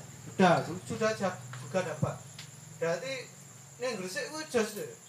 kita cuman ya nggak sampai Jakarta. Ya. karena teman-teman apa itu Dewan Kesenian Jakarta itu Sumenep sekarang sering sering ke, ke arah sana. Nanti PR caker caker kena caker juga pernah jadi di Gresik itu kalau satu kesatuan bukan nama caker bukan nama kota seger bukan nama apa pun nanti Gresiknya yang menjadi corongnya itu. Cuman yang mewakili siapa kita ikhlaskan di situ. Siapa pun boleh untuk masuk ke ruang itu. Jadi tidak ada batas di situ. Kita aplaus untuk Gres- ke, untuk teater di Gresik. Kita aplaus. Itu kerja yang sangat masif. Ya meskipun di wilayah proses ada masalah ini itu enggak, enggak jadi persoalan Gresik itu teater pelajarnya jadi barometer terus juga teater umumnya juga tidak sampai vakum dan kekosongan. Kita enggak, enggak sampai kekosongan cuma saya rindu loh, apa ini namanya? Musik limbahnya Mas. Ya, musik limbah saya kangen musik karena ketabuhannya itu asik. Itu. Mas Arti nambahkan? Cukup ya. Mas selanjutnya. Mas Rizul cukup ya? Oke monggo mas.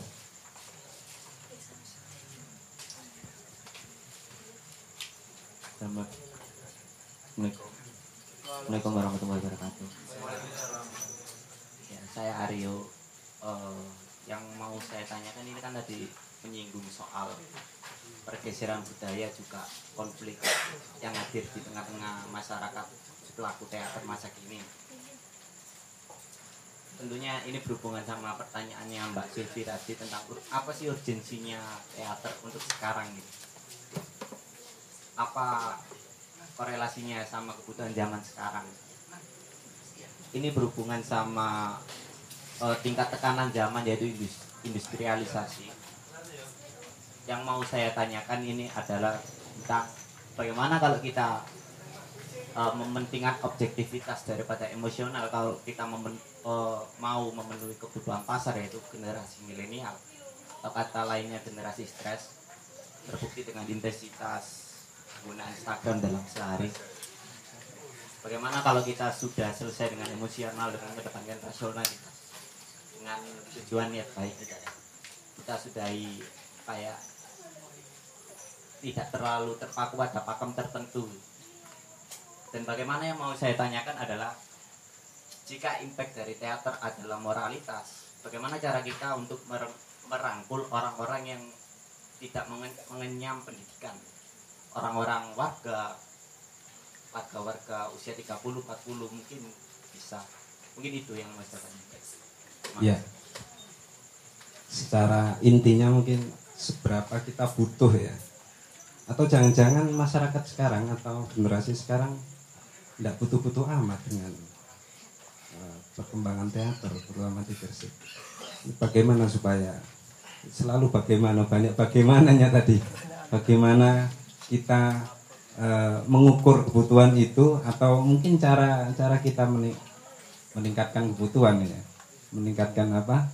Memantik kebutuhan mereka supaya mereka merasa butuh melihat teater.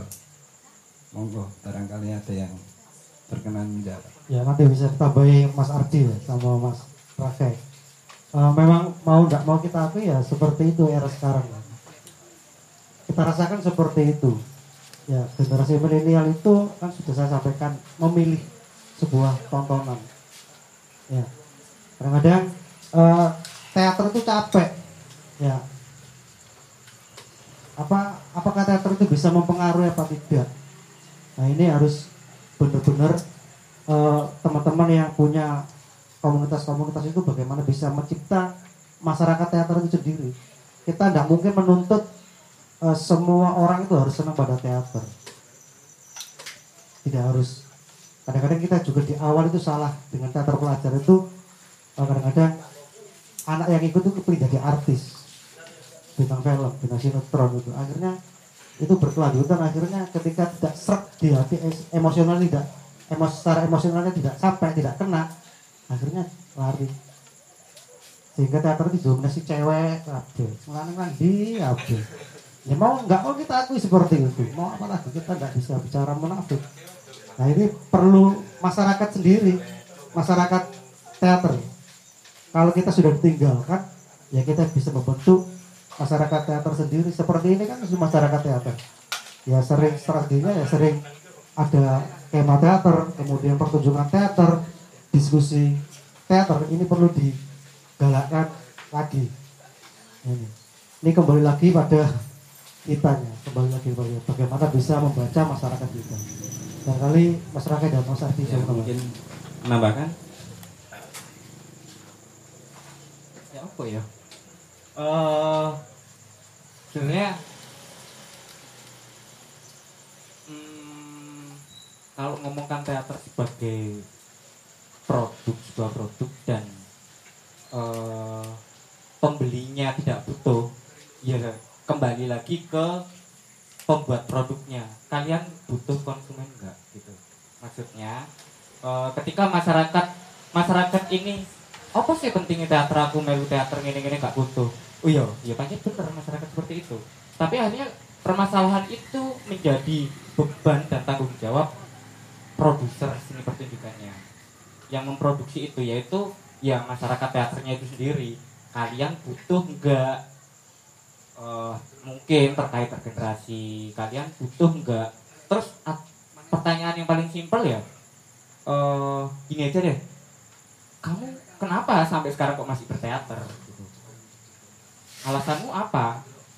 Itu baru eh, naik step lagi menurutku ya ketika itu penting bagimu maka tularkan pada orang lain terangkan pada orang lain bahwa teater itu penting. Kalau ngomong caranya banyak mungkin bisa dengan kemah budaya atau kita membuat pementasan banyak-banyaknya kita membuat ruang-ruang diskusi tentang pentingnya teater. Teater itu apa sih gitu. Dan kalau bagi saya sendiri eh, saya meminjam istilah dalam teater realis the proper proper study of mankind is man waduh ke Inggris? Rek. Tadi. ah apa itu? Aku ya gak ngerti ya ilangnya rada pelu tadi jadi eh sebuah studi keilmuan yang paling penting atau paling dibutuhkan bagi seorang manusia adalah studi tentang kemanusiaan itu sendiri. Dan teater kita belajar tentang kemanusiaan nah ketika kalian menganggap penting kemanusiaan ya maka sebarkan dan berdakwalah untuk mencari masa-masa anggota-anggota teater itu gitu kalau saya Pak. Ya. Kalau Mas Lukman tidak perlu menjawab karena sudah terjawab melalui ke- kemah budaya kemarin. Oh, nambahkan juga, monggo. Ya untuk ini jawabannya sebenarnya sudah dua tahun yang lalu. Teman-teman itu di ini di apa itu ketika di pendopo Watu Bodo di pesantren Watu Bodo itu masyarakat sekitar itu nonton. Di Risalah tujuh itu gara-gara apa? Ini harus tontonan atau apa? Mereka datang berduyun-duyun nonton itu pertunjukan itu. Dan itu di luar anime apa itu kita itu ah, ditonton apa ora? Itu geruduk-geruduk gitu.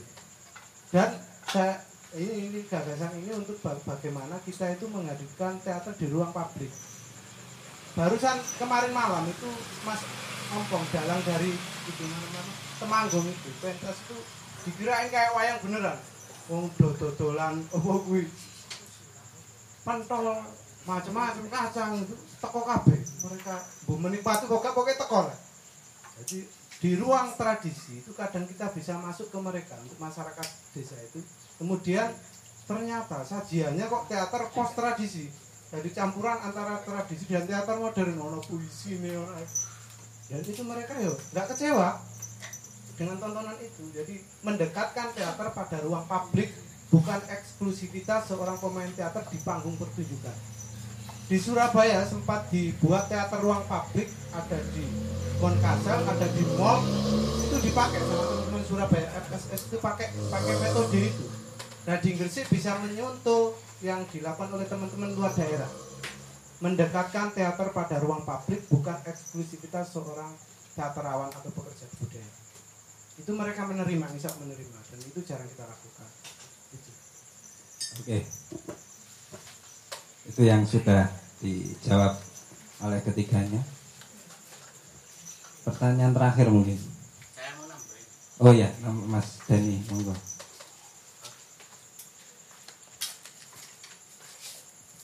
Eh, terima kasih nama saya Denny seorang nelayan yang sekaligus masih berkesenian di Sanggarwasir ya menjabat ketepaan kok jadi lurai di rumah budaya Pantura jadi pendiri dan ketuanya mungkin.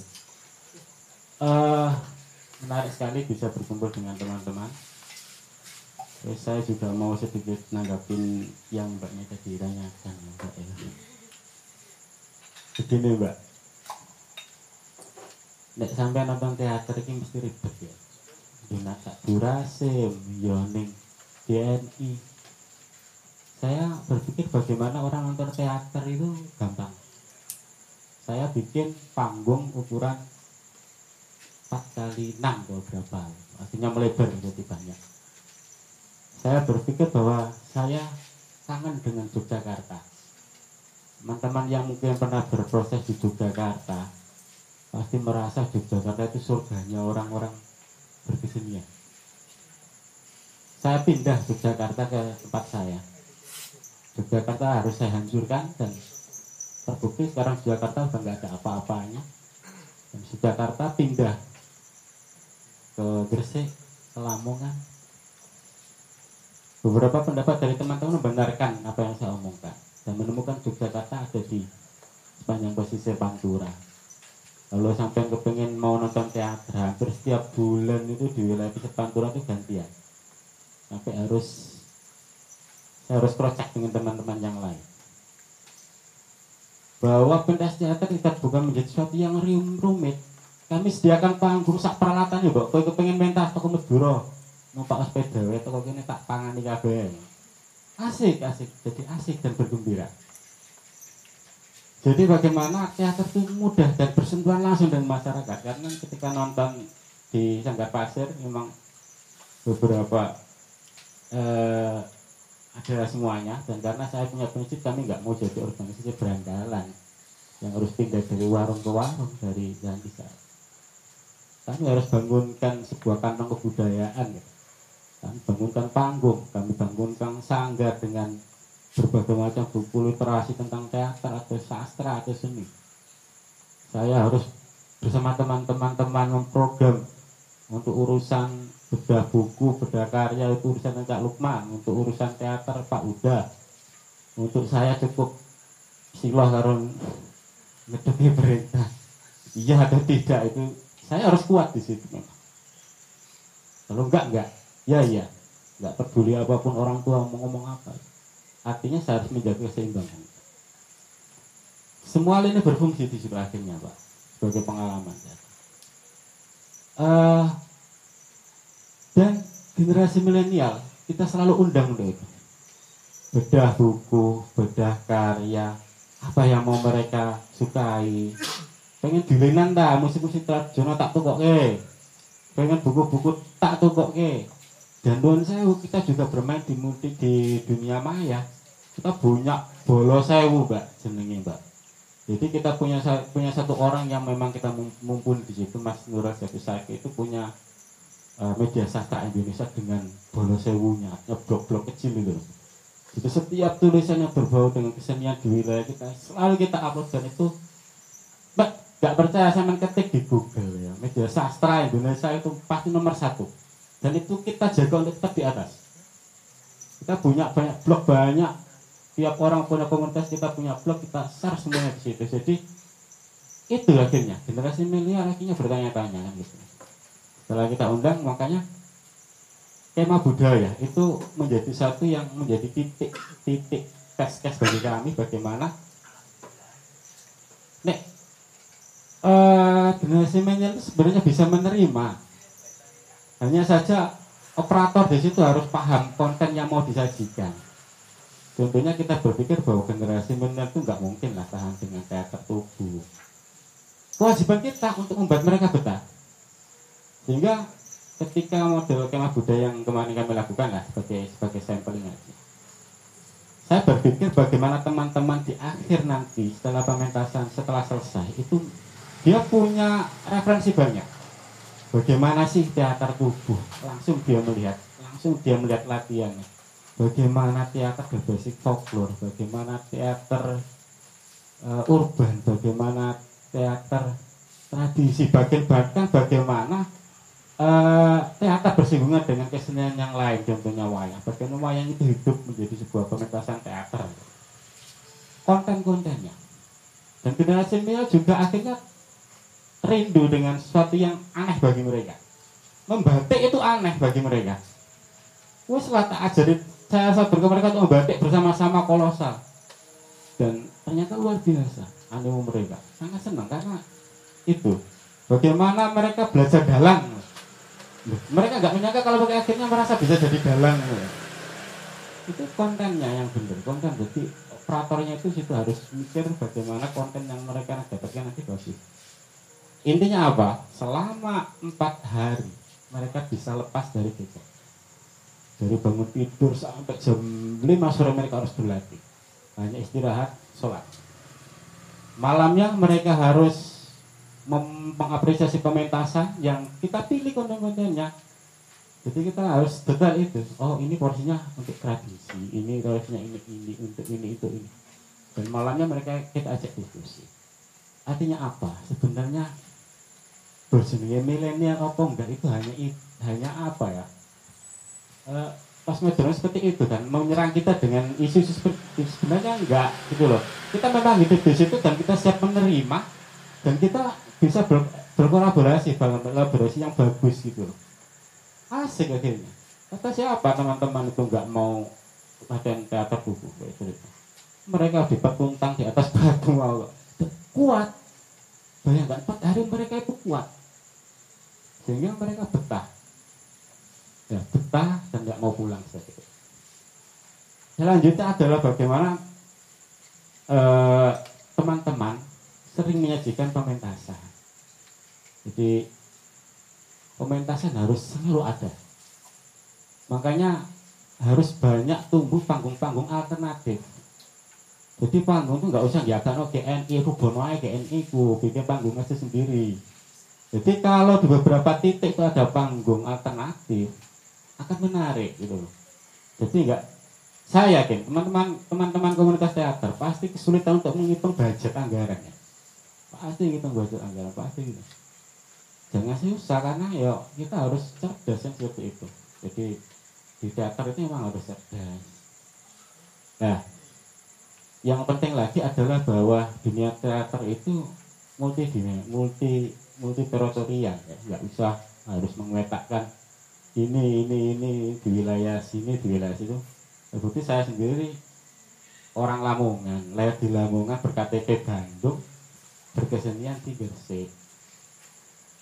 Tetap asik aja yang penting kan gitu. Dan memang generasi milenial harus di, di dicekoki dengan jargon-jargon yang membuat mereka senang.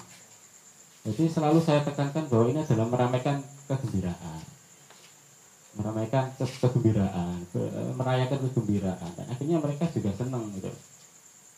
Ya itu tadi bahwa ya tak pikir teman-teman di wilayah Gresik ini memang sudah luar biasa bermacam-macam tentang proses teaternya juga bermacam-macam. Satu lagi untuk komunitas teater mandiri. Mau nggak mau kalau saya berpikir bahwa teater mandiri harus bertahan dengan satu konsep seperti ini. Saya mempelajari beberapa teman di Jogja di tempat-tempat yang lain bahwa teater mandiri itu punya punya apa ya ideologi berteater kadang atau teknik berteater dan punya teknik olah tubuh tersendiri sehingga itu menjadi mapan. Nek nggak satu paket nanti siapa yang akan hilang? Hilang. Di di Jogja itu ada field trip ya. Field trip itu dia punya panggung. Dia punya konsep pementasan. Dia punya teknik olah tubuh Wani Darmawan dengan apa konsep teater apa itu aktorannya itu. Dia punya teknik sendiri dalam olah tubuh.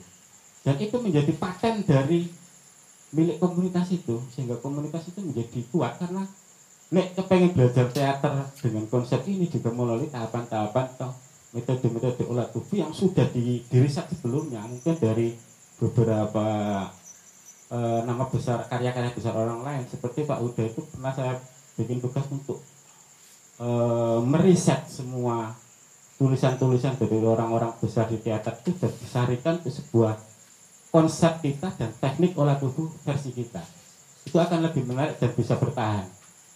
Jadi karena nantinya akan menjadi style milik kita gitu loh. Itu itu itu yang dicontohkan oleh teman-teman yang ada di sana ya. E, itu saja mungkin ya. Jadi nek nek menurut saya ini akan akan semakin menarik ketika banyak panggung-panggung alternatif. Itu saja. Terima kasih. Ya Mas Deni. Si memel undi Mas sampean. Bandung. Bandung bisa oke. Oke, terima kasih Mas Denny sudah memberikan juga gambaran. Tapi yang tadi dimaksud teater mandiri bukan Mas Putu ya, tapi teater yang ya ya eh, konsepnya sudah bisa menghidupi dirinya sendiri. Terakhir mungkin karena kita sudah terbatas waktu. Tadi setiap baik narasumber bertiga di sini termasuk tadi juga ditegaskan sama Mas De, Mas Denny itu tentang pada akhirnya teater sebuah kelompok teater pada akhirnya proses kerja paling sederhana adalah menggelar pementasan yang itu tentunya diawali dengan proses produksi mulai dari pemilihan naskah sampai gladi bersih kemudian tim produksinya menghadirkan penontonnya seperti apa, kemudian terjadilah persinggungan antara penonton dengan panggung, dan setelahnya itu ada apresiasi baik eh, proses penonton me- mencerna panggung, memahami panggung, kemudian mungkin ada yang menuliskan baik berupa berita atau catatan peristiwa. Dan itu sebuah juga sebuah apresiasi. Apakah itu masih bisa dibenarkan untuk eh, perkembangan teater Gresik nantinya? Bahwa pada akhirnya kelompok teater juga harus secara intens menyuguhkan pementasan barangkali saya salah mohon dikoreksi monggo. Mas Lukman. Terakhir. Kalau pertanyaan gitu ya wajar ya, wajar umumnya berteater. Proses produksi di dalam kreativitas teater mengalami eh, apa namanya produktivitas, kreativitas yang sangat sangat mumpuni, terencana, terukur dan terencana. Kemudian di wilayah pendistribusian, misalnya dipentaskan di mana saja, atau memasuki ruang publik yang sudah dikenal oleh banyak orang, misalnya Cak Burasim, atau dibawa ke Jakarta atau ke mana atau ke daerah-daerah itu. Jadi setelah produksi pasti ada proses distribusi. Nah kalau teaternya menarik itu pasti daya tawarnya banyak. Eh, wae, pentasin di sini aja, pasti gitu. Baru nanti publik menerima dan itu bisa dijembatani melalui apresiator apresiator itu. Apresiator itu bisa dibentuk. Apresiator teater misalnya di ruang publik eh, pedesaan bisa bentuk itu. Apresiator itu melalui relasi pertemanan bisa juga. Melalui jalur birokrasi kesenian juga bisa. Melalui program pemerintah juga bisa. Itu distribusinya. Jadi kadang kita terjebak di distribusi tanpa melewati produksi. Akhirnya distribusi sih kontrak kerjasama dulu terus baru kita produksi. Baru membuat garapan teater. Nah, padahal kalau wajarnya orang membuat teater ya produksi dulu, distribusi, terus kemudian baru nanti publik menerima melalui apresiator itu jadi si penerimanya itu siap kita sebagai pengirim pesan kemudian penerima juga si- siap menerima pesan melalui distribusi pertunjukan itu dan risalah tujuh bukit itu me- melalui eh, sampai ke distribusi dan menariknya di situ contoh ya contoh kecil di situ ada. Ada proses distribusinya. Ada proses produksinya. Publik menerima diapresiasi juga. Aplus juga dapat tepuk tangan di situ juga ada. Orang desa yang aplus anak kecil juga ikut senang. Ya. jadi menarik di situ. Jadi ya kita berteater ya begitu. Dan cuman kita butuh nanti saling berkomunikasi sesama warga teater. Sing seneng teater ya selalu kita saling komunikasi. Terus kemudian orang yang belum melek teater kita ajak komunikasi juga jadi double kerja intra di dalam teater sama extraordinary di dalam teater Ya, produksi distribusi konsumsi ya. ya pasti ada ilmu ekonomi ya. ya itu ada. itu penting ya oke Mas Ardi. Eh, kalau ngomongkan metode dan cara saya rasa kalau dia ngomongkan relevan ya relevan relevan saja cuman eh, saya ingin sedikit menanggapi tentang Mas Denny ya Mas ya. Eh, ini sangat menarik juga.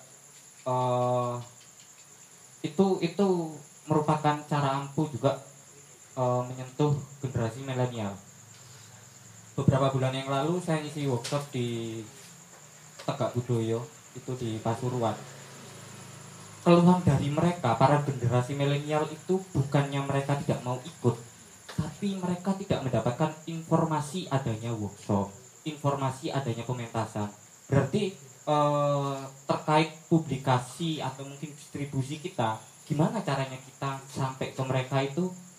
Ternyata gagal. Di sini ada ada miss. Dan menurut saya kayak adanya tim cyber yang dikatakan Mas Denny itu sangat-sangat menarik. Bahkan teman-teman di Gresik Indonesia juga melakukan seperti itu. Eh, kita mau produksi nih. Nggak ada nggak ada orangnya. Ya kita open casting kita buka kita sebar lewat media-media sosial yang itu dijangkau oleh para generasi milenial. Dan akhirnya pun ada. Bahkan dari Lamongan mereka datang ke sini ikut proses di sini. Itu kan itu kan menunjukkan berapa seberapa pentingnya garda media sosial untuk kita berdakwah menyebarkan teater di kalangan mereka gitu. Saya lebih ingin menanggapi itu itu sangat penting dan perlu kita sadari para generasi generasi yang non milenial kalau saya kan milenial ya. Ya itu itu itu menjadi poin penting menurut saya bagaimana bagaimana caranya kita menyentuh mereka dan informasi-informasi itu sampai kepada mereka. Terkait metode seperti itu yang diomongkan Mas Abisar tadi itu relevan-relevan saja dan setiap komunitas punya metode yang berbeda untuk melakukan itu. Gitu mas. Ya, terima kasih Mas Mubalih kesenian. Yang berdakwah yang mencari. Mas Tawir itu. penting ya dakwah teater itu juga penting. Jadi gak emak apa? Gak ceramah kok yang penting. Dakwah teater itu juga penting. Ya. Eh, saya simpel aja semua sudah dijawab. Jadi eh, saya garis bawahi orang teater itu boleh idealis tapi jangan terlalu idealis. Ya. kalau teater itu mau langgeng ya kita harus karena teater itu adalah ruh keringat ya. Jadi kenapa teater sampai era sekarang itu masih keberadaannya masih ada padahal teater itu lahir se- 500 sebelum masehi sampai sekarang. Ini luar biasa sekali seni pertunjukan teater ini makanya kalau di tradisi kami di Cager itu eh, tidak boleh mengeluh. Kita kekurangan SDM jadi noto backdrop dewe di lampu-lampu dewe aktor yang main jadi semua fungsi.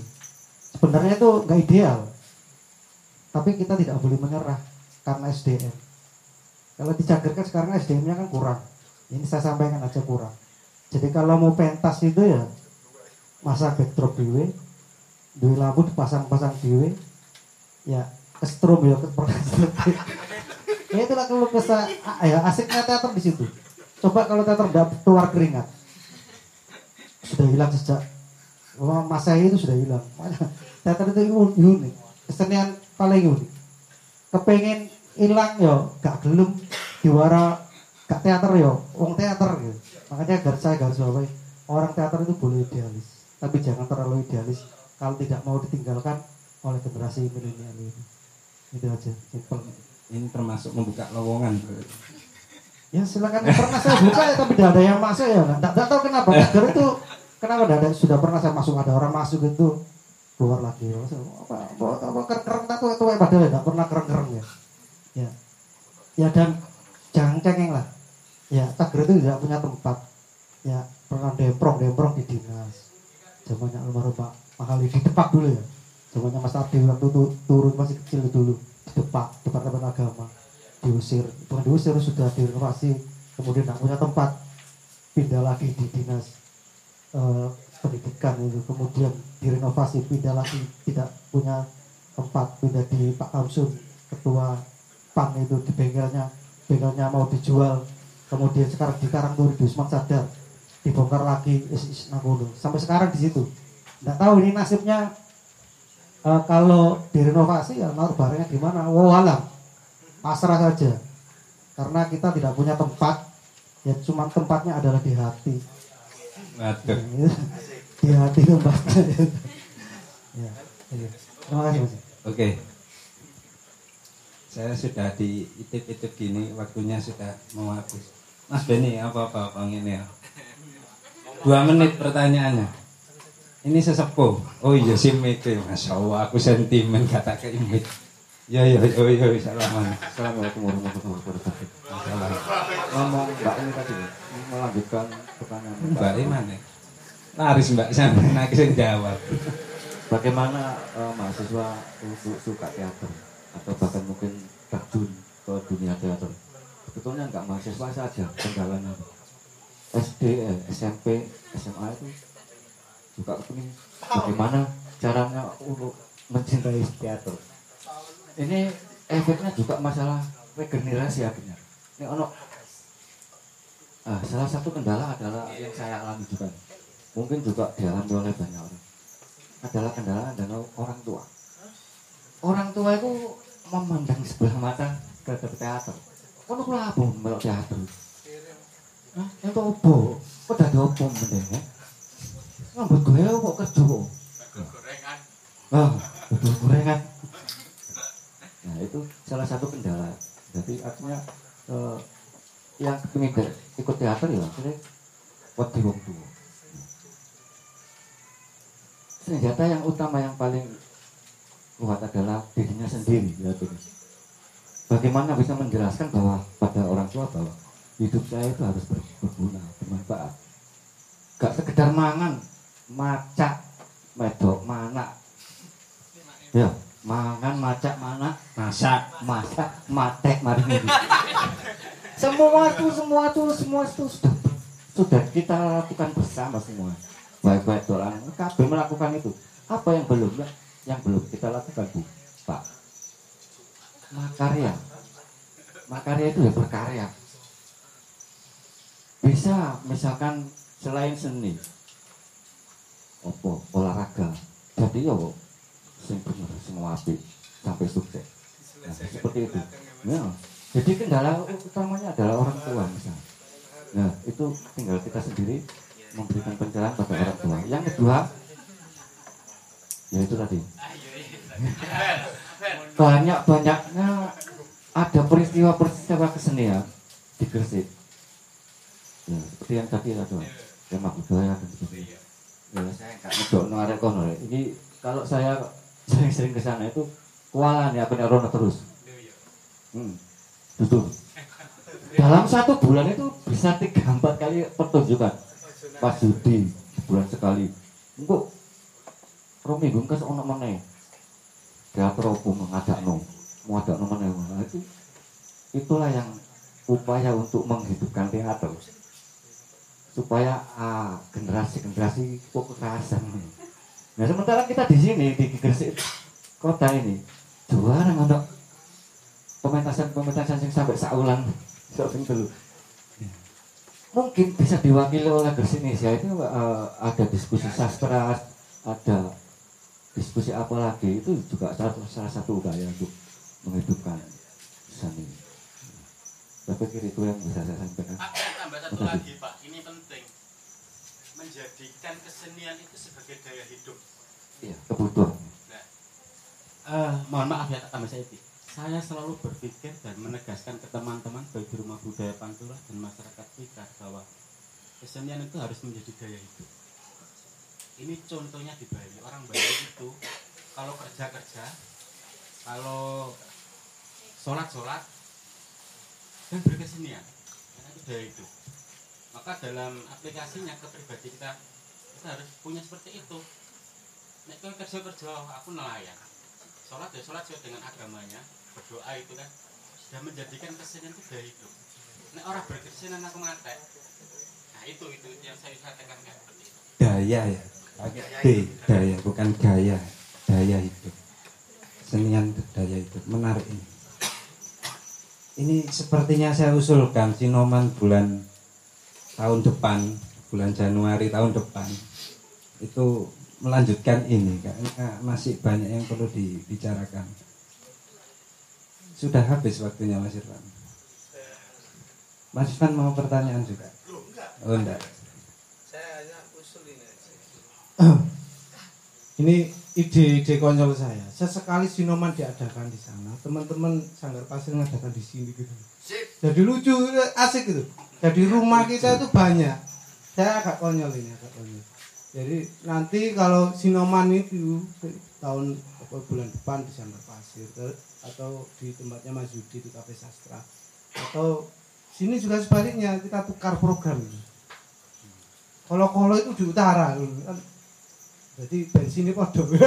Saya itu baru bensin namanya bensin. Itu ide konyol saya. Itu saja. Lebih asik loh kita nek bahasane wong desa biyen iku nek ana wong hajatan itu bubu. Anggap ae ngono. Oh, iyalah ya. Kita biar ada komunikasi. Kalau nggak sarana kegiatan ngapa ning ngono? Engko nang ngopi-ngopi ra ono anu. Itu ya. Saya hanya usul itu tidak terlalu banyak. Sudah sangat banyak. Saya tulis iku akeh. Tapi aku drop ya gara-gara nulis. Oke. Terima kasih Mas Lukman, Mas Arti, Mas Tohir atas semua informasi yang disampaikan eh, pada malam hari ini. Saya mohon tepuk tangan aplaus untuk mereka bertiga. Ya itu tadi request saya. Ini belum selesai. Jadi tapi kita terbatas waktu. Barangkali masih ada waktu sinoman selanjutnya atau diskusi dalam bentuk lain selanjutnya masih menyambung tentang teater Gresik. Kita belum membahas nanti ini kayaknya. Teater Gresik nanti ini seperti apa? Gitu. Menerka ya, menerka teater Gresik nanti. Supaya tidak apa Bengawan Solo ini tidak menjadi hambatan bagi masing-masing kita. Itu saja eh, diskusi kita malam hari ini. Kami sampaikan terima kasih menyempatkan atau menghabiskan malam minggu terakhir tahun ini di Gresik Nesia karena malam minggu tahun eh, malam minggu selanjutnya sudah berganti angka tahun. Saya mohon maaf apabila ada kekurangan. Sekali lagi terima kasih atas nama teman-teman Gresik Nesia dan saya juga terima kasih atas nama Teater Sangha, Teater Layang Mutu Walayah ya. Tidak bermutu banyak biaya. Terima kasih. Assalamualaikum warahmatullahi wabarakatuh. Salam.